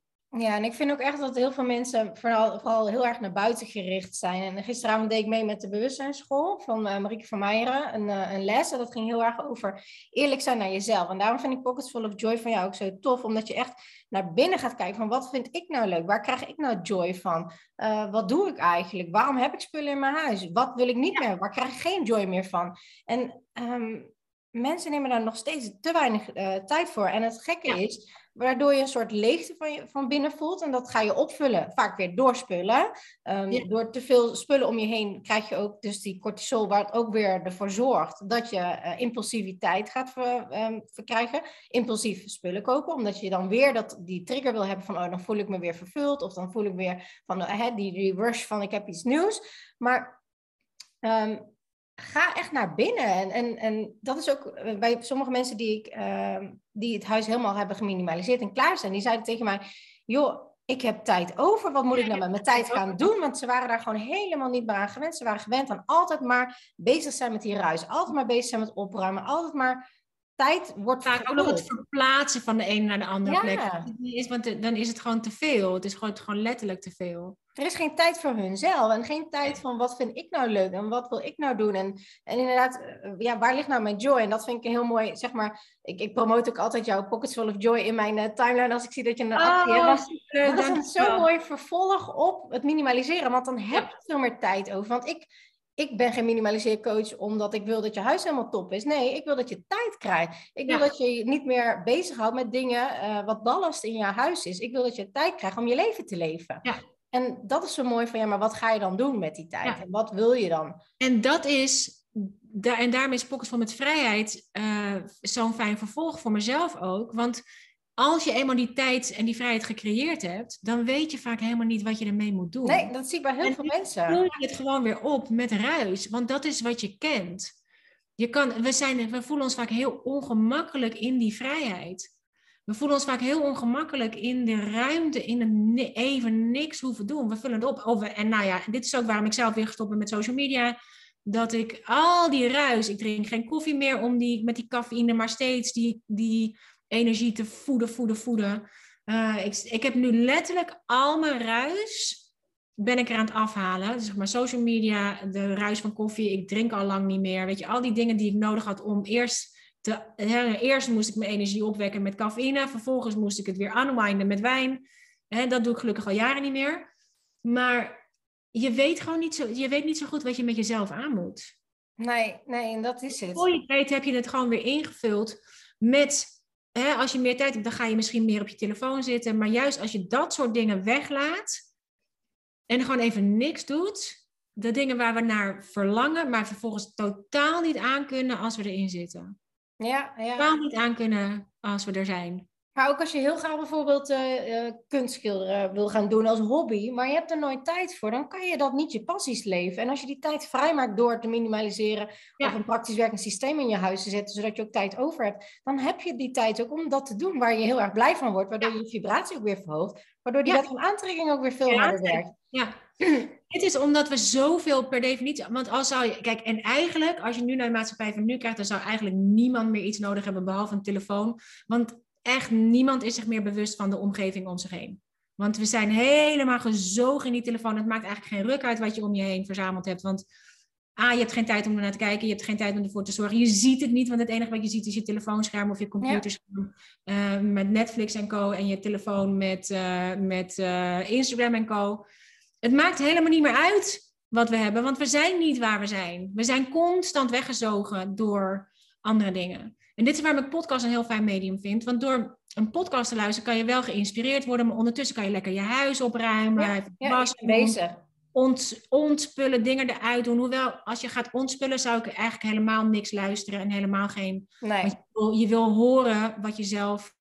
Je wil voelen wat je voelt als je iets hebt, als je iets vastpakt. Waarom het eruit kan of waarom je het wil houden of wat het je ja. wel of niet geeft. Maar het is een. Uh, Tijdens jouw live lessen kijk, doe ik ook altijd de was. Ja. ik kan dat nooit zien, want ik zie ja, maar ik ben altijd de was dan in pakketjes aan het vouwen en in de, in de, netjes in de kast aan het zetten. Ja, ja, en, zo. en dat werkt heel fijn, want dan doe je en iets wat je eigenlijk normaal gesproken niet echt super leuk vindt. Ik ga liever andere dingen doen, maar ik ben toch uh, gefocust, omdat ik bij jou heel veel informatie krijg wat ik echt super inspirerend vind. En dan doe ik dat soort taakjes wat ik eigenlijk normaal gesproken niet zo leuk vind. Ja. ja. ik doe het heel vaak als mijn kleinkinderen hier zijn, omdat ze dan kunnen helpen of omdat ze dan. Uh, hè, dus ik doe dat heel vaak met hen omdat ik dat een hele leuke combinatie vind. En ze op die manier ook leer hoe je jezelf je spullen op kunt vouwen, zelf je spullen weg kunt brengen, weg kunt leggen. En mijn oudste dochter die heeft net een uh, dochter gekregen. En haar eerste dochter, die is nu drie maanden.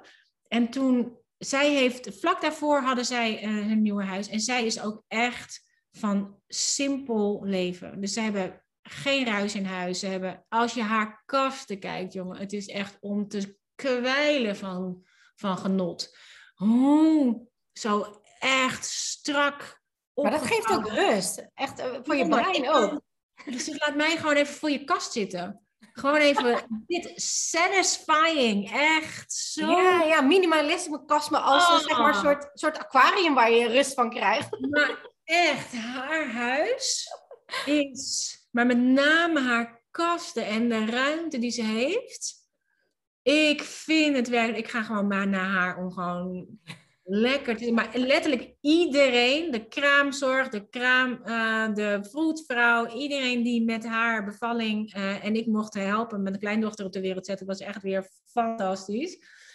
Maar iedereen die daar was, voor zowel de nazorg als de dingen, zei, ik ga naar huis gaan spullen. Ik ga naar huis, ik ga dit ook ja, doen. Ja, maar dan voel je de magic. Dan voel je die rust en die ruimte die je krijgt. En dat, dat is zo fijn. Voor je, voor je hoofd, voor je brein, voor je leven. Je hebt tijd om na te denken. Die kraamzorg, die wist niet wat er overkwam. Ze zei, ik hoef hier niks te doen. Ik, wat moet ik hier nou doen? Ja, heerlijk. Wat moet ik hier nou doen? Die, die was is al weg, want het is niet zoveel. Het is, ja, ze hebben nu natuurlijk meer was omdat het een baby is, maar ze hebben niet eindeloos veel spullen. Ze houdt ervan om dat zo lekker op de gemakje zo op te vouwen en zo heel mooi te Marie Kondo. Ja, ja, dat doe ik ook, ja. Wel iets sneller, maar ik ja, het eindresultaat heel mooi. Lekker aan het zitten en zit oh man, het is een genot om naar te kijken. Maar zij zegt ook, ja, ik word gewoon te overprikkeld als ik al die dingen heb. Ik wil gewoon die... Maar iedereen die bij haar komt, die, die wil naar huis, aan de slag. Ja, ja, ja. Maar ze hebben ook de kraamzorg ja, die was er om even te leren met, het, met die borstvoeding en hoe gaat dat en weet je, dat soort dingen. Ze zei, ik heb hier gewoon niks te doen. Dus ze zegt, nou, dus Kees zegt, nou, ga je terug naar huis? Ja, ja. ja. prima. Voor hen ook lekker. denk ik, ja, het, het is echt wel next level ook voor mij. Want met name, uh, kijk, wij hebben hier natuurlijk nog de kleinkinderen en dingen. Maar met name haar kasten, daar kan ik echt. Dat die zit, ik ben met Poppers van de Vrijheid ook weer bezig. Om het oh, daar. Ik heb wel nu mijn linnenkast, weet je, die is echt zo strak op. Want door haar, ik dacht, ik had wel ondertussen een beetje mijn spullen eruit. Maar dan gooide ik het wel gewoon in mijn kast. Weet je, dan was het nog niet zo, of niet gooien in mijn kast, maar toch wel rond. Als ik dan haar kasten zie, maar als ik dan voel. En dit is waarom het zo belangrijk is. energie, hè? Man, de, je voelt de energie, maar je voelt ook echt de satisfaction. Het is echt voldoening. Het is gewoon een genot om naar te kijken. En ik zie het nu zelf aan mijn eigen linnenkast, waar de handdoeken strak erin liggen. Wat normaal dat een soort rommeltje was. Maar strak erin, dat dekbed, daar strak gewoon één dekbed extra strak erin. Weet je, ah, echt. Dan ga ik gewoon even in die kast kijken. Zo ga ik nu ook mijn kledingkast doen. En, uh, en dit is waarom ik het leuk vind om de kleinkinderen weer mee te nemen in dit vouwen. Maar die leren het dan ook, hè? Ik heb het zelf nooit geleerd van mijn ouders niet. Mijn moeder had er ook problemen mee, mijn oma ook. En je geeft het generatie, generatie door. En er zijn ook zoveel mensen uh, met ADHD, ADD. Ik hou helemaal niet van die labels, maar goed, het maakt wel meteen duidelijk wat het dan vooral is met overprikkeling. Ik heb zelf ook ADD. En die ruis creëren. Enorm, enorm. En als je dan ziet hoe je dan uh, je voelt en hoe je kan leven in een geminimaliseerd en gestructureerd huis, is zoveel rustiger. Ook voor kinderen, uh, de kinderen om je heen. Weet je, vaak, ik heb je dat wel eens horen zeggen van ja, dan, dan gaf een kind, kreeg naar naar school suikerdingen, maar dan moest ik wel een pilletjes geven dat hij weer rustig werd. Dat is eigenlijk ook met je huis. Als je huis een rommel is, hoe kan je dan verwachten dat je kind, als hij ook zelfs nog ADHD of wat dan ook uh, heeft, dat hij dan rustiger wordt. Dat kan niet. Hij wordt overprikkeld, hij wordt gebombardeerd met prikkels. Ja, ja en ik heb, weet toen, toen, ik, uh, toen mijn kinderen dus klein waren en ik alleen verder ging met de kinderen, toen, en ik dat echt dat eerste, die eerste keer ging ontspullen, toen heb ik ook al het speelgoed van de kinderen eruit gedaan. Alles wat al iets was, heb ik eruit gedaan. Omdat ze elkaar de hersens insloegen voor, weet ik veel, een plastic pizza. Die ja, ze ja, allemaal moeten hebben. En toen hebben, daar had ik ook, ik had zo'n zo'n fijne uh, eensgezinswoning. En ik had een slaapkamer en de kinderen die sliepen met elkaar op een slaapkamer. En we hadden dus één kamer over. En daar had ik een speelkamer gemaakt. Maar gewoon met boomstammen waren de, hè, dit was natuurlijk in die antroposofische tijd. Ja, mijn kinderen boomstammen waren de... Mm, zo fijn. En ik had gewoon zo'n zo'n droogrek met planken erop en een lap eroverheen. Dat was dan de markt. En we hadden gewoon allerlei kastanjes, noten, dingen. Die, en die konden ineens van alles zijn. En ze hadden van die schepjes waarmee ze dat konden scheppen. En ze konden het van die zakjes doen, die hingen erbij. Dus alles wat in die kamer was, was, nog niks, ja. was nog niks van zichzelf. Maar het, was, het werd alles. Omdat het niet... En zo dan die, die poppen die ik had gemaakt. Dus die konden dan ook... Dan ja, hadden ze weer hangmatjes gemaakt en dingen gedaan. En het zorgen voor die poppen en voor die, die... Maar het was zo leuk om te zien, omdat het was in principe allemaal niks, behalve de poppen. Maar end, hè? de rest konden ze gewoon maken. Ze konden auto's maken, ze konden, weet je, ze maakten gewoon van alles wat er was aan blokken, aan hout en dingen, konden ze van alles maken. En dat, ja, alles kon alles zijn. De ene keer was het, was het uh, snoep. En de andere keer was het die pizza, waar ze elkaar dan nog voor in de hersens insloegen. Ja, nu kon je zelf bedenken wat wat was. Dus als, dat, als die, die uh, weet ik veel, dat boomstammetje een pizza was, ja, dan kon dat andere boomstammetje kon heel prima um, een taart zijn. Want ja. ja, je mag het zelf zeggen. En dat gaf zoveel creativiteit aan die kinderen. En dat zie ik hier ook weer met de kleinkinderen, hoe innovatief en creatief ze zijn. Met de dingen die nog niks zijn. Ja, met dat is het. Iets, het wordt iets omdat zij er iets in zien. Wat voor een ander gewoon een doos is, of wat voor een ander gewoon uh, ja, dingetjes zijn. En ze hebben hier een la met allerlei gereedschap en dingen die ze eruit kunnen pakken en verf erin, zodat ze die dat kunnen pakken om, uh, om te creëren. Ja, want heel veel kinderen zijn ook echt overprikkeld. Het is uh, eigenlijk als je minder speelgoed geeft, of vaker rouleert eventueel, dan hebben ze veel meer plezier in spelen. Omdat ze gewoon ook echt keuzestress krijgen. Ze weten niet meer waar ze mee moeten spelen. Alles maakt geluid, uh, felle kleuren. Dat is gewoon zo overprikkelend. En vaak wordt het ook wel afgekocht van ja, ik uh, voel me schuldig, ja. ik moet veel meer werken, dus geef ik jou nog maar meer speelgoed. Maar eigenlijk hoe meer speelgoed je een kind geeft, hoe minder die gaat spelen en hoe ongelukkiger die eigenlijk wordt. Dus dat is, ja... En de ouders worden heel erg overprikkeld daarvan. Zeker. Ik ging vroeger met de kinderen, toen ik nog met de kinderen in Amsterdam woonde, ging ik met ze naar de spelotheek. Daar, had je, daar kon je gewoon één keer in, de, of misschien wel, ik weet niet precies hoe vaak je daarheen komt. Daar kon je gewoon s'morgens naartoe. Daar kon je speelgoed huren, wat we niet deden, maar we gingen daar gewoon spelen. Daar was allerlei ander speelgoed, maar daar waren ook allerlei andere kinderen. Dus dan konden ze met die andere kinderen spelen en wij gingen dan gewoon weer weg. Maar zij, uh, je kon daar ook gewoon je, je speelgoed lenen. En dan, dan ging je, nou, als ze daar dan weer mee uitgespeeld waren, dan bracht je het terug en dan nam je weer iets anders mee om mee te spelen. Waardoor je het niet allemaal zelf hoefde aan te schaffen. En het wel allemaal, uh, allemaal had. Dus uh, als je dat wilde. Maar ik vond dat echt een. Uh, en wat ik ook heel leuk vond, we hadden met kerst geen cadeautjes. Met Sinterklaas ook niet, want ze, ja, ze hebben ze natuurlijk gewoon bij, bij mijn dochter thuis. Er wordt natuurlijk Sinterklaas gevierd. Ze hebben natuurlijk nog meer opa's en oma's, want we hebben, het is een groot gezin. Mm-hmm. En um, uh, dus ook met kerst, we waren hier wel met, met de kinderen en de kleinkinderen, maar we hadden geen cadeautjes. En mijn kleinzoon, die, die zei, want ze hadden de, bij een andere opa en oma hadden ze al cadeautjes gehad de avond daarvoor, waren ze bij eerste kerstdag geweest. En ze hadden natuurlijk thuis cadeautjes gekregen. Of niet zozeer natuurlijk, maar ze hadden thuis cadeautjes gekregen. En wij hadden zoiets van, we doen gewoon niks. Want ja, wij, wij, zijn, wij willen de spullen niet. En bovendien is het niet zo dat ze, niets hebben, dat ze niks hebben. En hij zei, uh, um, hij, hij, het viel hem op dat er geen cadeautjes onder de boom lagen. Hij zei, nee, maar nou, nou, we hoeven hier ook geen cadeautjes, want we kunnen hier van alles maken. Ja, dat is het mooiste cadeau voor jou, ja, toch? Ik zeg, oh wauw, maar ik vind het ook heel cool dat je dat zelf herkent en erkent. Ja. Oh, nee, maar nou, nou, we hoeven hier ook geen cadeautjes, want we kunnen hier van alles maken. Ja. Tof. Ja, wij zijn drie jaar geleden op wereldreis geweest, vijf maanden met ons gezin en alleen met handbagage. En uh, dat was echt zo tof. En we waren, zeg maar, met de Sinterklaasperiode waren we in Thailand. We hebben de intocht van Sinterklaas op de laptop gekeken. Ja, en ja. Uh, toen kwam de reispiet langs, hè, met uh, wat kleine dingetjes die we dan op de marktjes kochten. Maar dan ook Ja. we konden gebruiken, daarna weer aan andere kindjes konden geven. Want ja, we hadden alleen maar handbagage, dus je kan niet zoveel meenemen. Kinderen waren toen drie en vier, twee en drie? Ehm, twee en drie, twee en drieënhalf, ja, klopt. ja, En ja. eh, toen, toen zijn we dus gaan reizen. En, en ik merkte totaal geen stress. Geen stuiterballenstress, geen hebberigheid. Ze waren super blij met wat ze kregen. Uh, maar daarna, het was een leuk feest. En nu ik weer terug in Nederland ben, en we willen wel weer meer gaan reizen, maar tussen school door dan.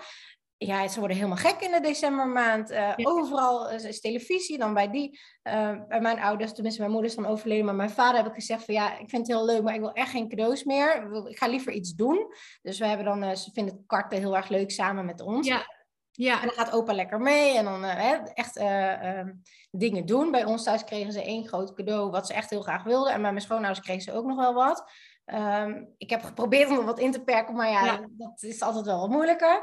En dan nog heb ik liever dingen die op kunnen, hè, of uh, iets wat ze heel lekker vinden, wat dan ook. Maar het was zo'n overkill aan, want op school ook. En ze zitten op de vrije school, dus wij moesten dan een cadeau voor hun maken. Nou, dat vind ik dan wel heel leuk. Maar ja, dan krijgen ze ook weer spullen. En ik dacht echt Ja. van, joh, het is zo'n overkill aan. En op de wereldreis was zo fijn. Ja. Gewoon zonde eigenlijk, dat er zoveel druk op zit. Ja. Ja, en het is ook goed, maar ook hiervoor geldt het dat je moet het gewoon even ervaren om het verschil te kunnen zien. Want het is, Ja. dit, is, het- dit is gewoon geworden dat het heel. Iedereen houdt er al rekening mee dat die kinderen helemaal gek worden in december. Nee, Ja, maar dat is toch eigenlijk helemaal is niet... gewoon 1 twaalfde van een jaar. Ja, ja. Ja, dat is echt een lange maand. Ja, zeker. Het is, het is echt een. eh, nee, ik denk dat het heel fijn is als we daar wat meer. en daarom hou ik zo van experimenteren. Experimenteer er gewoon Ja, mee. ik ook. Ja. Wat gebeurt er als ik dit niet meer heb?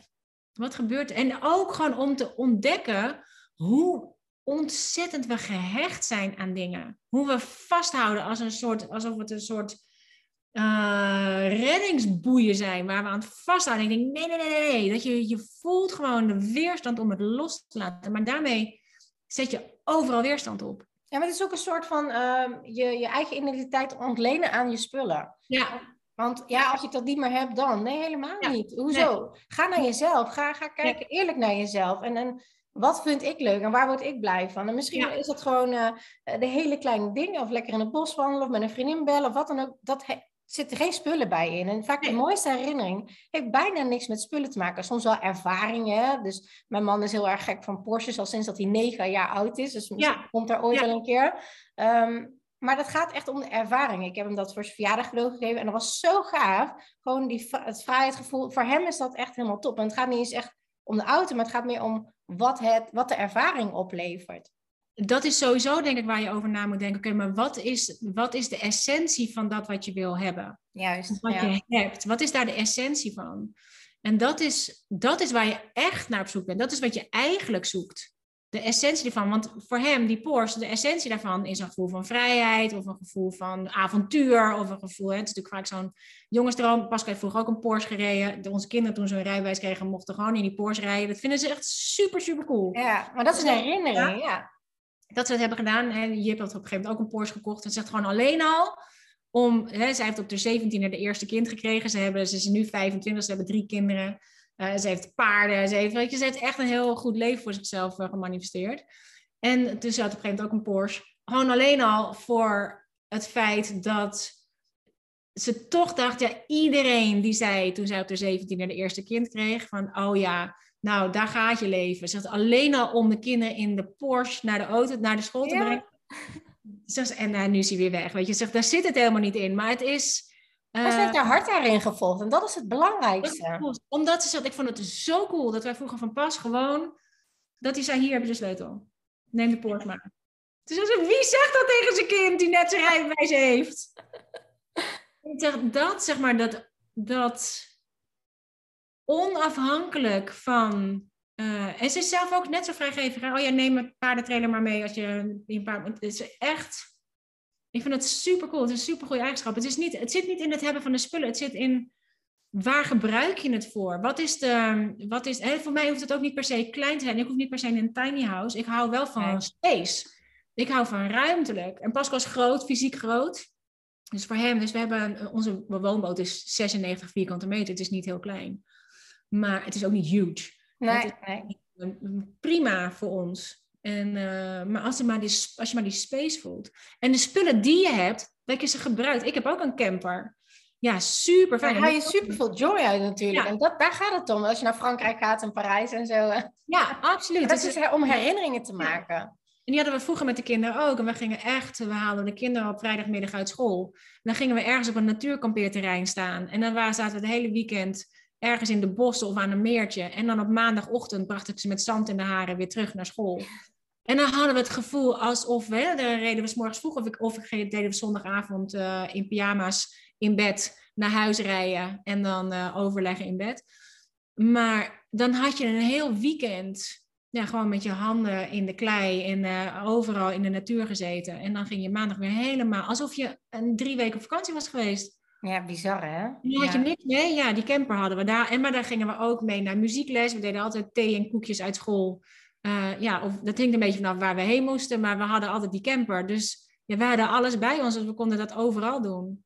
Dat was super, super fijn. Maar door die ervaring heb je ook het idee dat je meer uit je leven haalt, vind ik. Want toen wij vijf maanden op wereldreis waren, had ik echt het gevoel voor vijf jaar geleefd had aan ervaringen die ik had opgedaan. Ja, en dat is ook zo. En voor keeps, en de kinderen waren misschien klein om het echt als, als herinnering, herinnering te hebben, maar ze hebben wel het gevoel. Ja, ja, en de skills en ja, zeker de flexibiliteit. Ja, absoluut. Ja, dus dat, dat hebben ze voor keeps. Dat hebben ze gewoon. Dat is echt, een, ik denk, een van de mooiste dingen die je de kinderen mee kan geven. En dat zit allemaal in, in het, de ervaring van dingen. De dingen die ze gedaan hebben. Of die ze niet gedaan hebben. We hoeven de kinderen ook niet helemaal vol te stoppen met allerlei dingen doen, doen, doen. We moeten ze ook leren om juist niks te doen. Ja, want dat is juist heel belangrijk. En dat is niet echt geaccepteerd. Hè? Van ja, maar als je even een lekker een boek wil lezen of een bad wil liggen of wat dan, dan word je snel als lui bestempeld. Want ja, je doet niks nuttigs. Nee, maar, maar rust nemen is juist zo belangrijk. Het is niet voor niks dat zoveel mensen een burn-out hebben, want die nemen gewoon ook geen rust. En nee, en die, het is essentieel ook voor, A, voor je brein om tot rust te komen, maar ook voor nieuwe ideeën om er doorheen te komen. Ja? En dit is waarom het letterlijk goed is voor kinderen om zich te vervelen.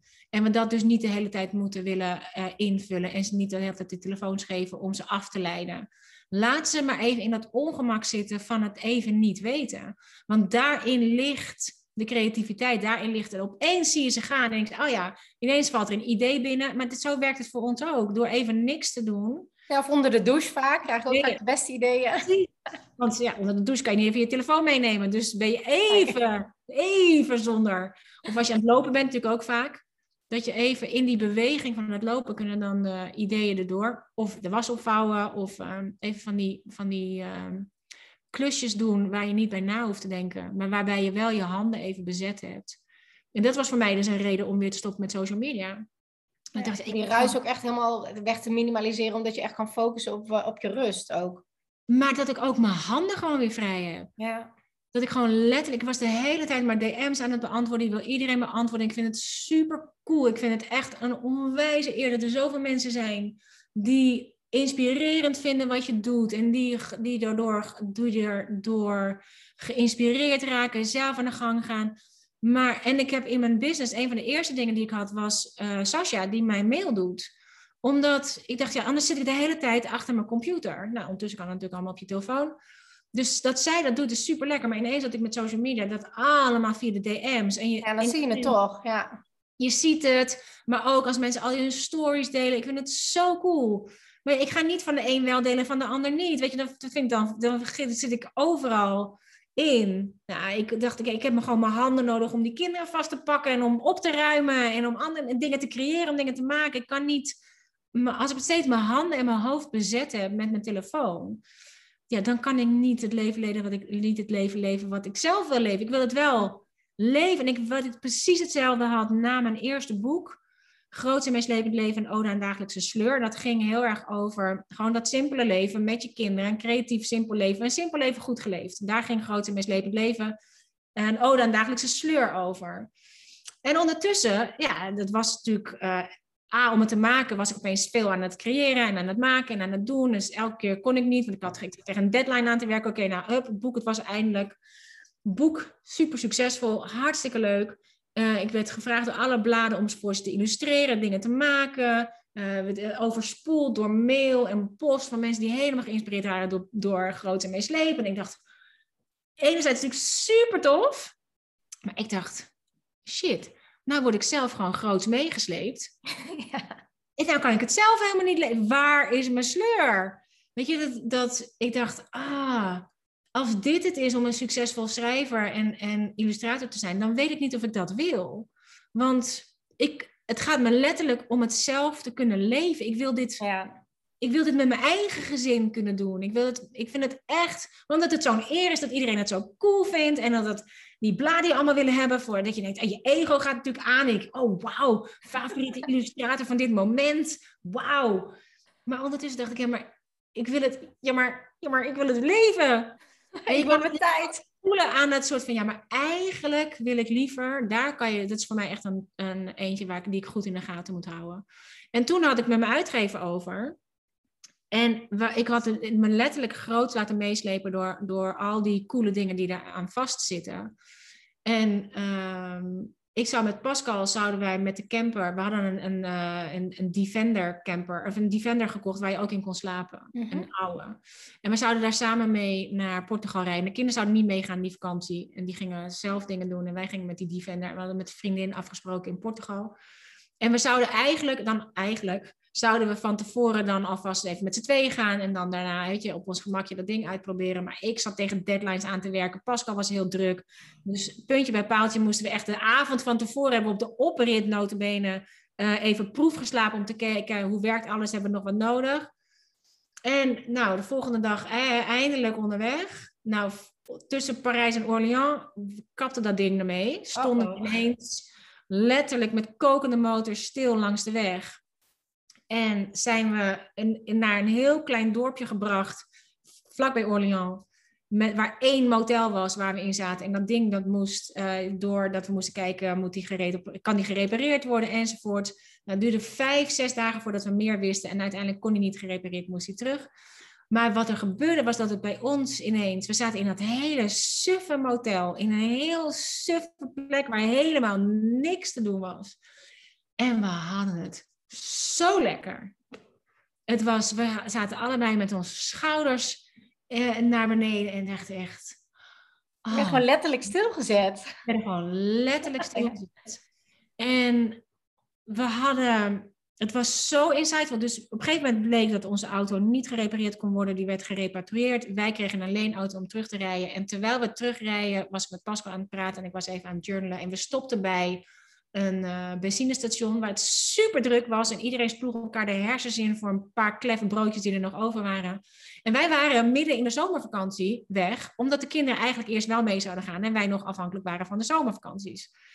Wij hoefden helemaal niet in de zomervakantie, want de kinderen gingen helemaal niet mee. Maar we zaten in deze, midden in die gekte en ik keek ernaar en ik kreeg ineens zo'n inzicht over, denk ik, wat ben ik in hemelsnaam aan het creëren? Het is super cool dat succes en het is super cool, maar ik wil het zelf leven. En ik heb, toen dacht ik, Les is Luxe is daar uitgekomen, mijn tweede boek. Ik dacht, oké, hoe kan ik dan want ik vond het wel fantastisch om die boeken te kunnen maken, om, dat, hè, om, om die schrijver te zijn, om daar mijn beroep van te maken, was natuurlijk super cool.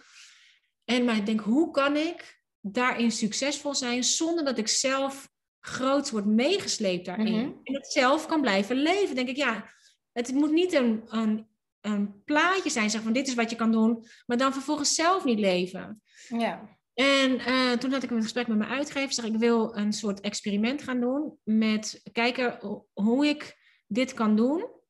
Het wel zelf kan blijven leven. En toen ben ik dus ook begonnen met al mijn dingen er weer uit. Want we, Pascal die was heel succesvol in zijn werk. Uh, alles kon weer. Dus we deden ook weer veel makkelijk. Bestel maar, doe maar, koop maar. Oh, wil je even pizza bestellen? Want ik zit tegen een deadline aan te werken. Wil jij even de honden uitlaten? Want uh, ik kan nu de deur niet uit. Terwijl dat was echt... Dat ik dacht, oh, even lekker een uur zwerven met die honden. Oh nee, sorry jongens, ik kan niet mee sporten, want ik zit tegen een deadline aan te werken. En um, ik dacht, ik wil, dat wil ik allemaal niet meer. Ik ga dat allemaal eruit doen. En toen zijn ook al die spullen er weer uitgegaan, al die dingen weer terug. Um, dus de, daar is Lessons Luxe uitgekomen als een soort experiment voor mezelf. Van wat, wat is nou echt een rijkdom voor mij? Wat is voor mij nou echt succes? En dat komt dus elke keer weer terug op dat the coolness of the uncool. Ja, ja, ja. Het Les is echt much more eigenlijk. Gewoon als je dat echt ballast gewoon van je af laat vallen op meerdere lagen in je leven. Is niet alleen fysieke spullen, maar ook hoe je je leven indeelt. En hoe je zit met werk. En hoe je het wil doen met je kinderen enzovoort. Als je daar echt doorheen gaat, dan, dan vind je de rijkdom. Dan vind je de rust. Dan vind je de ruimte. En, en de vrijheid. En, en gewoon je plezier in je leven weer terug. En dat, dat ja, als meer mensen dat doen, dan zou dat zoveel fijner zijn. Ja, dus, want het was een hoofdstuk in uh, Groot en Mislepend. Het was Groot en Mislepend leven met minder. En natuurlijk een Groot en Mislepend leven met je kinderen. En al die verschillende facetten. Maar met name dat Groot en Mislepend leven met minder. Dat, zeg maar, waar ik toevallig op gestuurd was toen ik alleen verder ging met de kinderen. Dat is Les is Luxe, zeg maar, geworden. Als, dat, dacht, daar wil ik naartoe terug. Dat dacht, die simplicity van al het hebben, van, van het niet hebben van die spullen. Alles er weer uit. En dat was weer net zo'n bevrijding als de eerste keer. Ik dacht, oh, ik heb me toch weer laten meeslepen erdoor. En zo ga je gewoon. Maar ja, dat zijn wel, er is wel weer een fantastisch boek uitgeboren. Ja, ja, ja. Doordat ja, ik er weer even had laten afleiden. Ja. En, uh, dat zal nog regelmatig gebeuren. Ja, maar dat is net een beetje als de zee. Je hebt eb en vloed en is met spullen ook. Er komen weer wat bij en dan gaat weer wat af. Maar als je dat gewoon in balans houdt, dan is dat prima. Als er alleen maar spullen bij komen, dat werkt niet. Als je helemaal niks meer overhoudt, word je ook niet gelukkig van. Nee. Maar inderdaad gewoon een beetje. En ja, verschillende fasen. Vooral als je kleine kinderen hebt. Ja, weet je, van kleine kinderen. Uh, ze worden weer wat groter. En op een gegeven moment wordt je puber. Ja, dan heb je ook weer andere spullen, andere leefstijl, andere fases. Dus dat blijft toch wel andere doorlopen. Mensen, die hebben weer andere verlangens en andere dingen. Ja. Dus die, uh, het is, je kunt ook die dingen niet opleggen. Maar het is wel, je kunt ze daarmee wel helpen. Um, voelen bij zichzelf hoe, dat, hoe het voelt. Hoe voel je is natuurlijk toch een goede vraag. Omdat je niet door... En dit is en zeker als je gaat kijken naar uh, de wet van aantrekking, de woord, je woorden worden je wereld, wat zeg je eigenlijk? Maar ook als je gaat kijken naar tienerkamers bijvoorbeeld.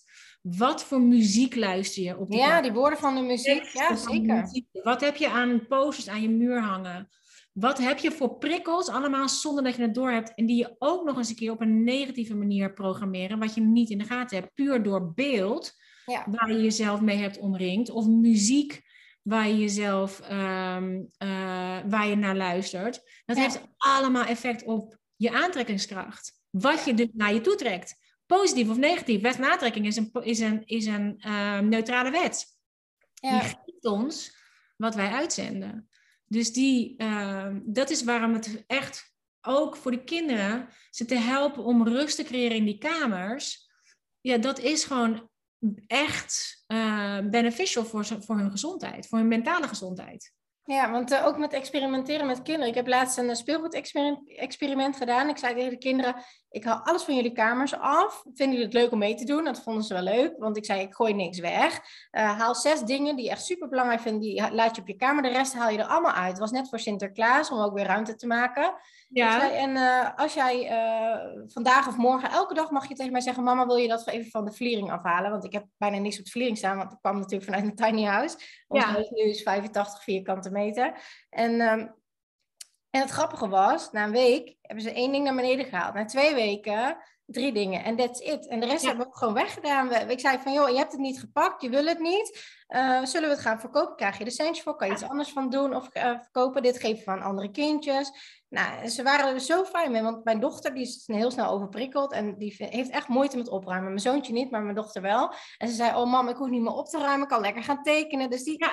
ik bedoel, ze zijn zes en zeven. Maar als je dat nu al meeneemt om het experimenteren, hoe, hoe ervaar je het? Misschien is het niks, hebben ze na twee dagen alle spullen weer beneden, maar dan gebruiken ze het ook. Ja, dat zou en ik even bewust van, dan weet je ook weer wat je hebt en wat je. Ja, en je kan even die ruimte ervaren door het er even wel allemaal te voelen. Ja.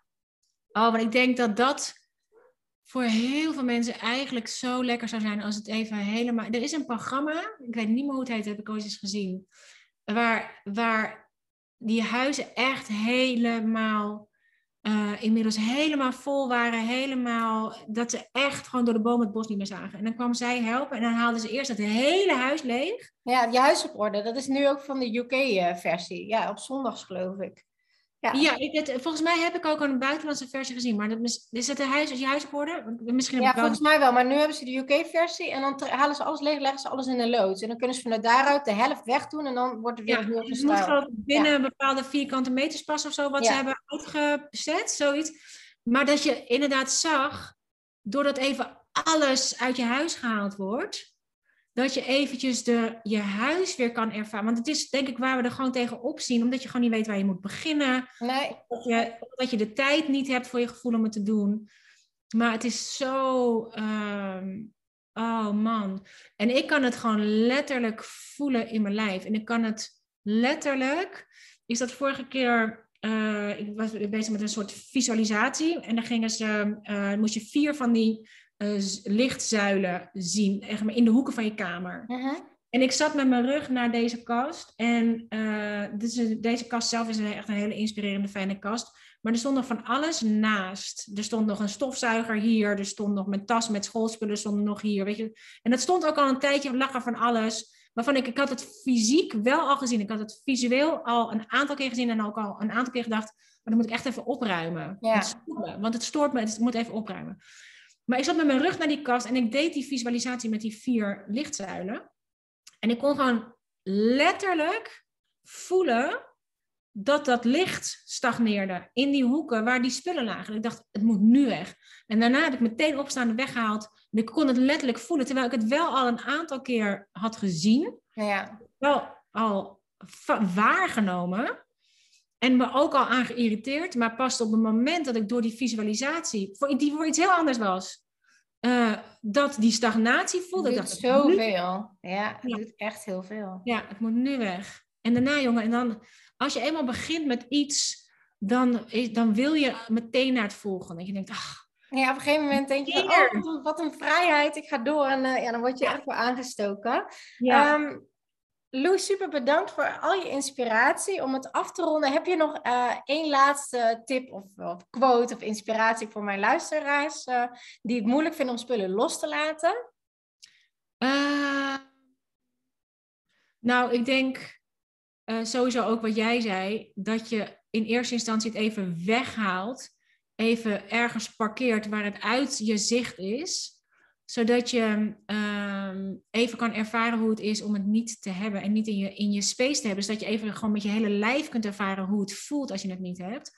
En hoe je het dus ook gewoon vergeet wat daarin zit. En je, uh, ik denk dat het heel fijn is om. Ik heb echt wel eens dingen weggedaan die ik daarna nog een keer heb gekocht omdat ik, uh, en dat zijn de dingen waar je, waardoor we het snelst vasthouden, ja, wat als ik het nog eens een keer nodig heb? En verreweg het meeste heb ik nooit meer nodig gehad. En heel soms denk ik, heb ik dat echt weggedaan? En dan was ik in zo'n zo'n wegdoelwoede. En denk nou ja, het ergste wat me kan, eh, kan overkomen is dat ik het nog een keer moet kopen. Een boek bijvoorbeeld, dat ik dan toch nog een keer heb. Bij, mij zit het meestal in boeken. En denk, nou, het kan nu wel weg. En dan denk ik, op een gegeven moment heb ik het toch nodig voor iets. Of nee, dan bestel ik hem nog een keer zwaar. Ja. Um, maar dat is het erg, wat is het ergste dat er kan gebeuren? Eigenlijk niks. Eigenlijk soms moet je inderdaad uh, een kaasschaaf nog een keer kopen. Omdat je dacht, ik koop alleen nog maar kaas in plakjes. En ineens wil je toch een stuk kaas. Ik denk, nee, dan is een kaasgraaf wel makkelijker dan een mes. Ik noem maar wat. Ehm, maar experimenteer ermee en maak het niet te groot. Maak het niet te groot. Eén, doe één kastje per keer. Doe één kastje per keer en dan geef je daarna zelf. En, en zit even met die onrust die het. Die het? The truth will set you free, but first it will piss you Dat is een hele mooie. Echt waar. It will piss you off. En je denkt echt, maar god, hoe dan? Hoe heb ik het zo ver kunnen laten komen? Ja. Ja, ja, door niet mindful te zijn en door niet bewust te zijn van, eh, van ehm, dat we iets anders aan het stillen zijn dat, wat- dan wat er gestild wil worden. Dit is waarom we eten, dit is waarom we drinken, dit is waarom we kopen. Omdat we niet eh, met die stilte overweg kunnen. Ja, dat is echt, eh, echt naar, de, naar de kern teruggaan van waarom. Ja, Ja. daarachter zit. Zit met onrust. Kom zo meteen Pockets van met Vrijheid meedoen. En, ehm, Ja, ehm, zeker een aanrader. It will piss you off. ja, Lou die zorgt er wel voor dat je flink eh pissed off wordt. Maar Maar ik daardoor begeleid je krijg je er ook zoveel meer vrijheid. Ik begeleid je er ook in. Ja, we gaan wel natuurlijk weer een online eh, klaslokaal erbij doen. Ja, Eh, ja, en ook, daarom ga ik graag inspiratie. zelf door die experimenten heen. Dan denk ik, oh fuck, it will piss you off. Dat je denkt, oh, ik ga lekker vrijheid doen. En dat je denkt, oh ja, ik heb een heel idee van, een heel beeld van. Met mijn subplank op de, op de, op de plas. Van voor vrijheid. Dus. Ah, zat die vrijheid net in het wegdoen van die plank. Buggers. Ja, ja. Dus, ehm, maar ehm, zit met de onrust. Zit met de... en, en ik hou enorm van de quote, en die heb je ongetwijfeld wel veel vaker gehoord van Maya Angelou. Do the best you can until you know better. If you know better, you do better. Het is ook, je weet ook gewoon niet beter. Weet Nee, je- nee, nee, nee. Ja, Zeker. dat Hoe jij meer je zei- leert. Ja. Heel veel dingen nemen we in ons onderbewustzijn mee. We doen automatisch wat onze ouders gedaan hebben. Ehm, het is, ja, je wist ook voor heel veel dingen gewoon niet beter. Je wist niet dat het vanuit onvrede was. Je wist niet dat het. Je had het gewoon niet in de gaten. Nee. You can until you know better. And if you know better, you do better. En dan doe je dat nog een keer. En dan doe je dat nog een keer. En dan loop je er weer tegen. En dan doe je dat nog een keer. Dus wees it piss you off and set you free. Ja, it will piss you off again and again. Ja, but it will set you free. It Oké. will Ja, Heel dus erg bedankt, eh, Lou. jij ook. Super, superleuk. Voor de luisteraars, dus eh, ga je huis minimaliseren. Zorg dat je daar de vrijheid in krijgt. Alle tijd die je daarvoor over hebt. Volg Lou voor Pockets Full of, of, Ja, Vrijheid. vrijheid vinden. Ja, en je vrijheid. En dan En- weet je precies hoe je die moet gaan opvullen. En eh, hoe je nog meer vrijheid vindt. Ja, want vergis je niet, want ik denk dat we ook een. En weet dus dat het je. Dat, it will piss you off. In beide gevallen vaak, omdat we denken. Als ik die vrijheid gecreëerd heb, dan, als ik die tijd gecreëerd heb, dan ga ik inderdaad schilderen. Dan gaan we die hobby's doen waarvan we denken dat we ze gaan doen. Maar wat er gebeurt als we die vrijheid eenmaal hebben, dan doen we het nog niet. Omdat die Ja. telefoon trekt, omdat andere dingen trekken. Maar alleen, we hebben nu geen excuus meer. En dat is wat, er, wat, we zo, wat, wat ons zo pissig maakt. Want nu heb je gewoon geen excuus meer om Nee. die dingen te doen. Nee. Daarvoor konden we ons nog steeds verschuilen achter als ik tijd heb, dan ga ik dat doen. We hebben hele ideeën van, oh jongens, als ik tijd heb in de vakantie, als ik, als ik daar, dan ga ik vijf boeken lezen. Om vervolgens knock-out te liggen, omdat je niet meer kan van al die stress. Dus het is niet gezegd dat als je die tijd gecreëerd hebt, de ruimte gecreëerd hebt, dat je dan dus automatisch dat leven gaat leven wat je denkt dat je gaat leven. Nee, zeker niet. En dat is zo fijn in jouw begeleiding, vind ik ook met Pockets Full of Joy. Omdat je dan echt begeleiding krijgt in hoe ga je dat dan doen? En op welke manier ga ik dat vormgeven? En waar moet ik aan denken? En dat is zo fijn om daar doorheen te gaan. Ja. Waardoor je er Ja. veel meer uithaalt. Ja, en dat je jezelf even helpt om uit die inertia te komen, uit dat gevoel van niet kunnen. Want als je, je hebt jezelf volledig lam gelegd. En die vrijheid voelt soms nog heel onvrij. En ja, dan trekt die telefoon. Dan trekt de andere dingen. Dan gaan de anderen, doe je het dus nog niet. En dan, dan word je zo pissig. Nou, die Dat- telefoon mag trekken, want jouw Ruzuku zit erop en jouw, jouw eh, moet training. je computer doen, maar je moet, je moet jezelf even heel goed eh, in de gaten houden. Ja, Je moet jezelf goed in de gaten houden. Want die vrije tijd die we hebben gecreëerd, die ruimte, die vult zich gewoon op. En die vult zich net zo makkelijk op. Of het nou meuk is in je huis, of meuk is in je hoofd, of meuk is in je hart. Het vult zich op, want dat is wat die law of vacuum doet. Dus het is aan ons, als we die ruimte creëren, letterlijk in je huis, of in je hoofd, of in je hart, of in je... Hè, als je die vrijheid weer hebt, waar vul je die mee op? Want je geeft het zo weg. Het is zo gone. Ja, dus, dus daar moet je echt aan werken. En dan als je dan eenmaal weet, uh, dan kan je het ook met de goede dingen gaan vullen. Wat ook echt je leven vervult en opvult. In plaats van uh, alleen maar bezighoudt en afleidt. Ja. Dus uh, het is, okay. gaat inderdaad echt om de vervulling, niet om de opvulling. En die opvulling zit in de weg van de vervulling. Die opvulling, kan je, daardoor kan je niet bij die vervulling komen. En ik kan vragen aan jullie of, of jullie allemaal even mogen kijken bij mijn dochter in huis en even kunnen lebberen. Ja, ja heel graag. Als je een foto wil delen, ja. Ja, ja dan, dan uh, kan kijken of ik er een soort uh, toegang uh, toe kan uh, geven aan iedereen. Want als je dat eenmaal hebt, dan wil je rennend naar huis. Omdat je denkt, oh mijn god. De rust, Zo wil ik het ook. De ruimte. En dan kom je in een gezin wat gewoon net een gezin is met een baby. Waar, waar iedereen altijd denkt, oh stress, stress, stress. nothing. Gewoon echt rust. Ja, ja, zo inspirerend. Dus uh, ik ga ook weer eventjes naar mijn dochter. Oh, super En uh, ik ga zelf dus ook, ik ben mezelf ook weer aan het bevrijden van alles wat ik niet nodig heb. En uh, dit is dan misschien het laatste. Het is niet het jezelf ontdoen van de dingen die je wilt. Het is het jezelf, en niet het ontzeggen van de dingen die je wilt. Het is het jezelf ontdoen van de dingen die je niet wilt. Ja, zodat er ruimte overblijft voor de dingen die je wel wilt. Ja, het is niet het ontzeggen van jezelf van dingen. Want dat is wat we vaak denken, dat je jezelf dingen ontzegt. Het is niet het ontzeggen van de dingen die je wilt, het is jezelf ontdoen van de dingen die je niet wilt. Nou, dat. Dankjewel. Heel inspirerend om mee af te sluiten. En dan wil ik je heel erg bedanken voor de podcast. Jij ook, Suus. Ik vond het hartelijk dank voor de uitnodiging. En uh, heerlijk, heerlijk, heerlijk. En inspirerend om ook hier zelf weer eventjes over te kunnen brainstormen met een deskundige op het gebied van minimaliseren. En eigenlijk maximaliseren van je levensvreugde. Super cool. Dankjewel. Doei.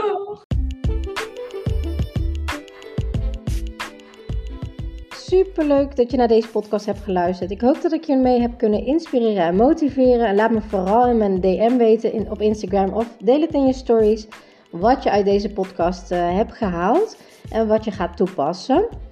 En voor nu wil ik zeggen less is much more. En als je de technieken gaat toepassen, dan ga je merken wat voor een enorme shift, een life-changing shift minimaliseren in je leven gaat hebben. Let the magic begin.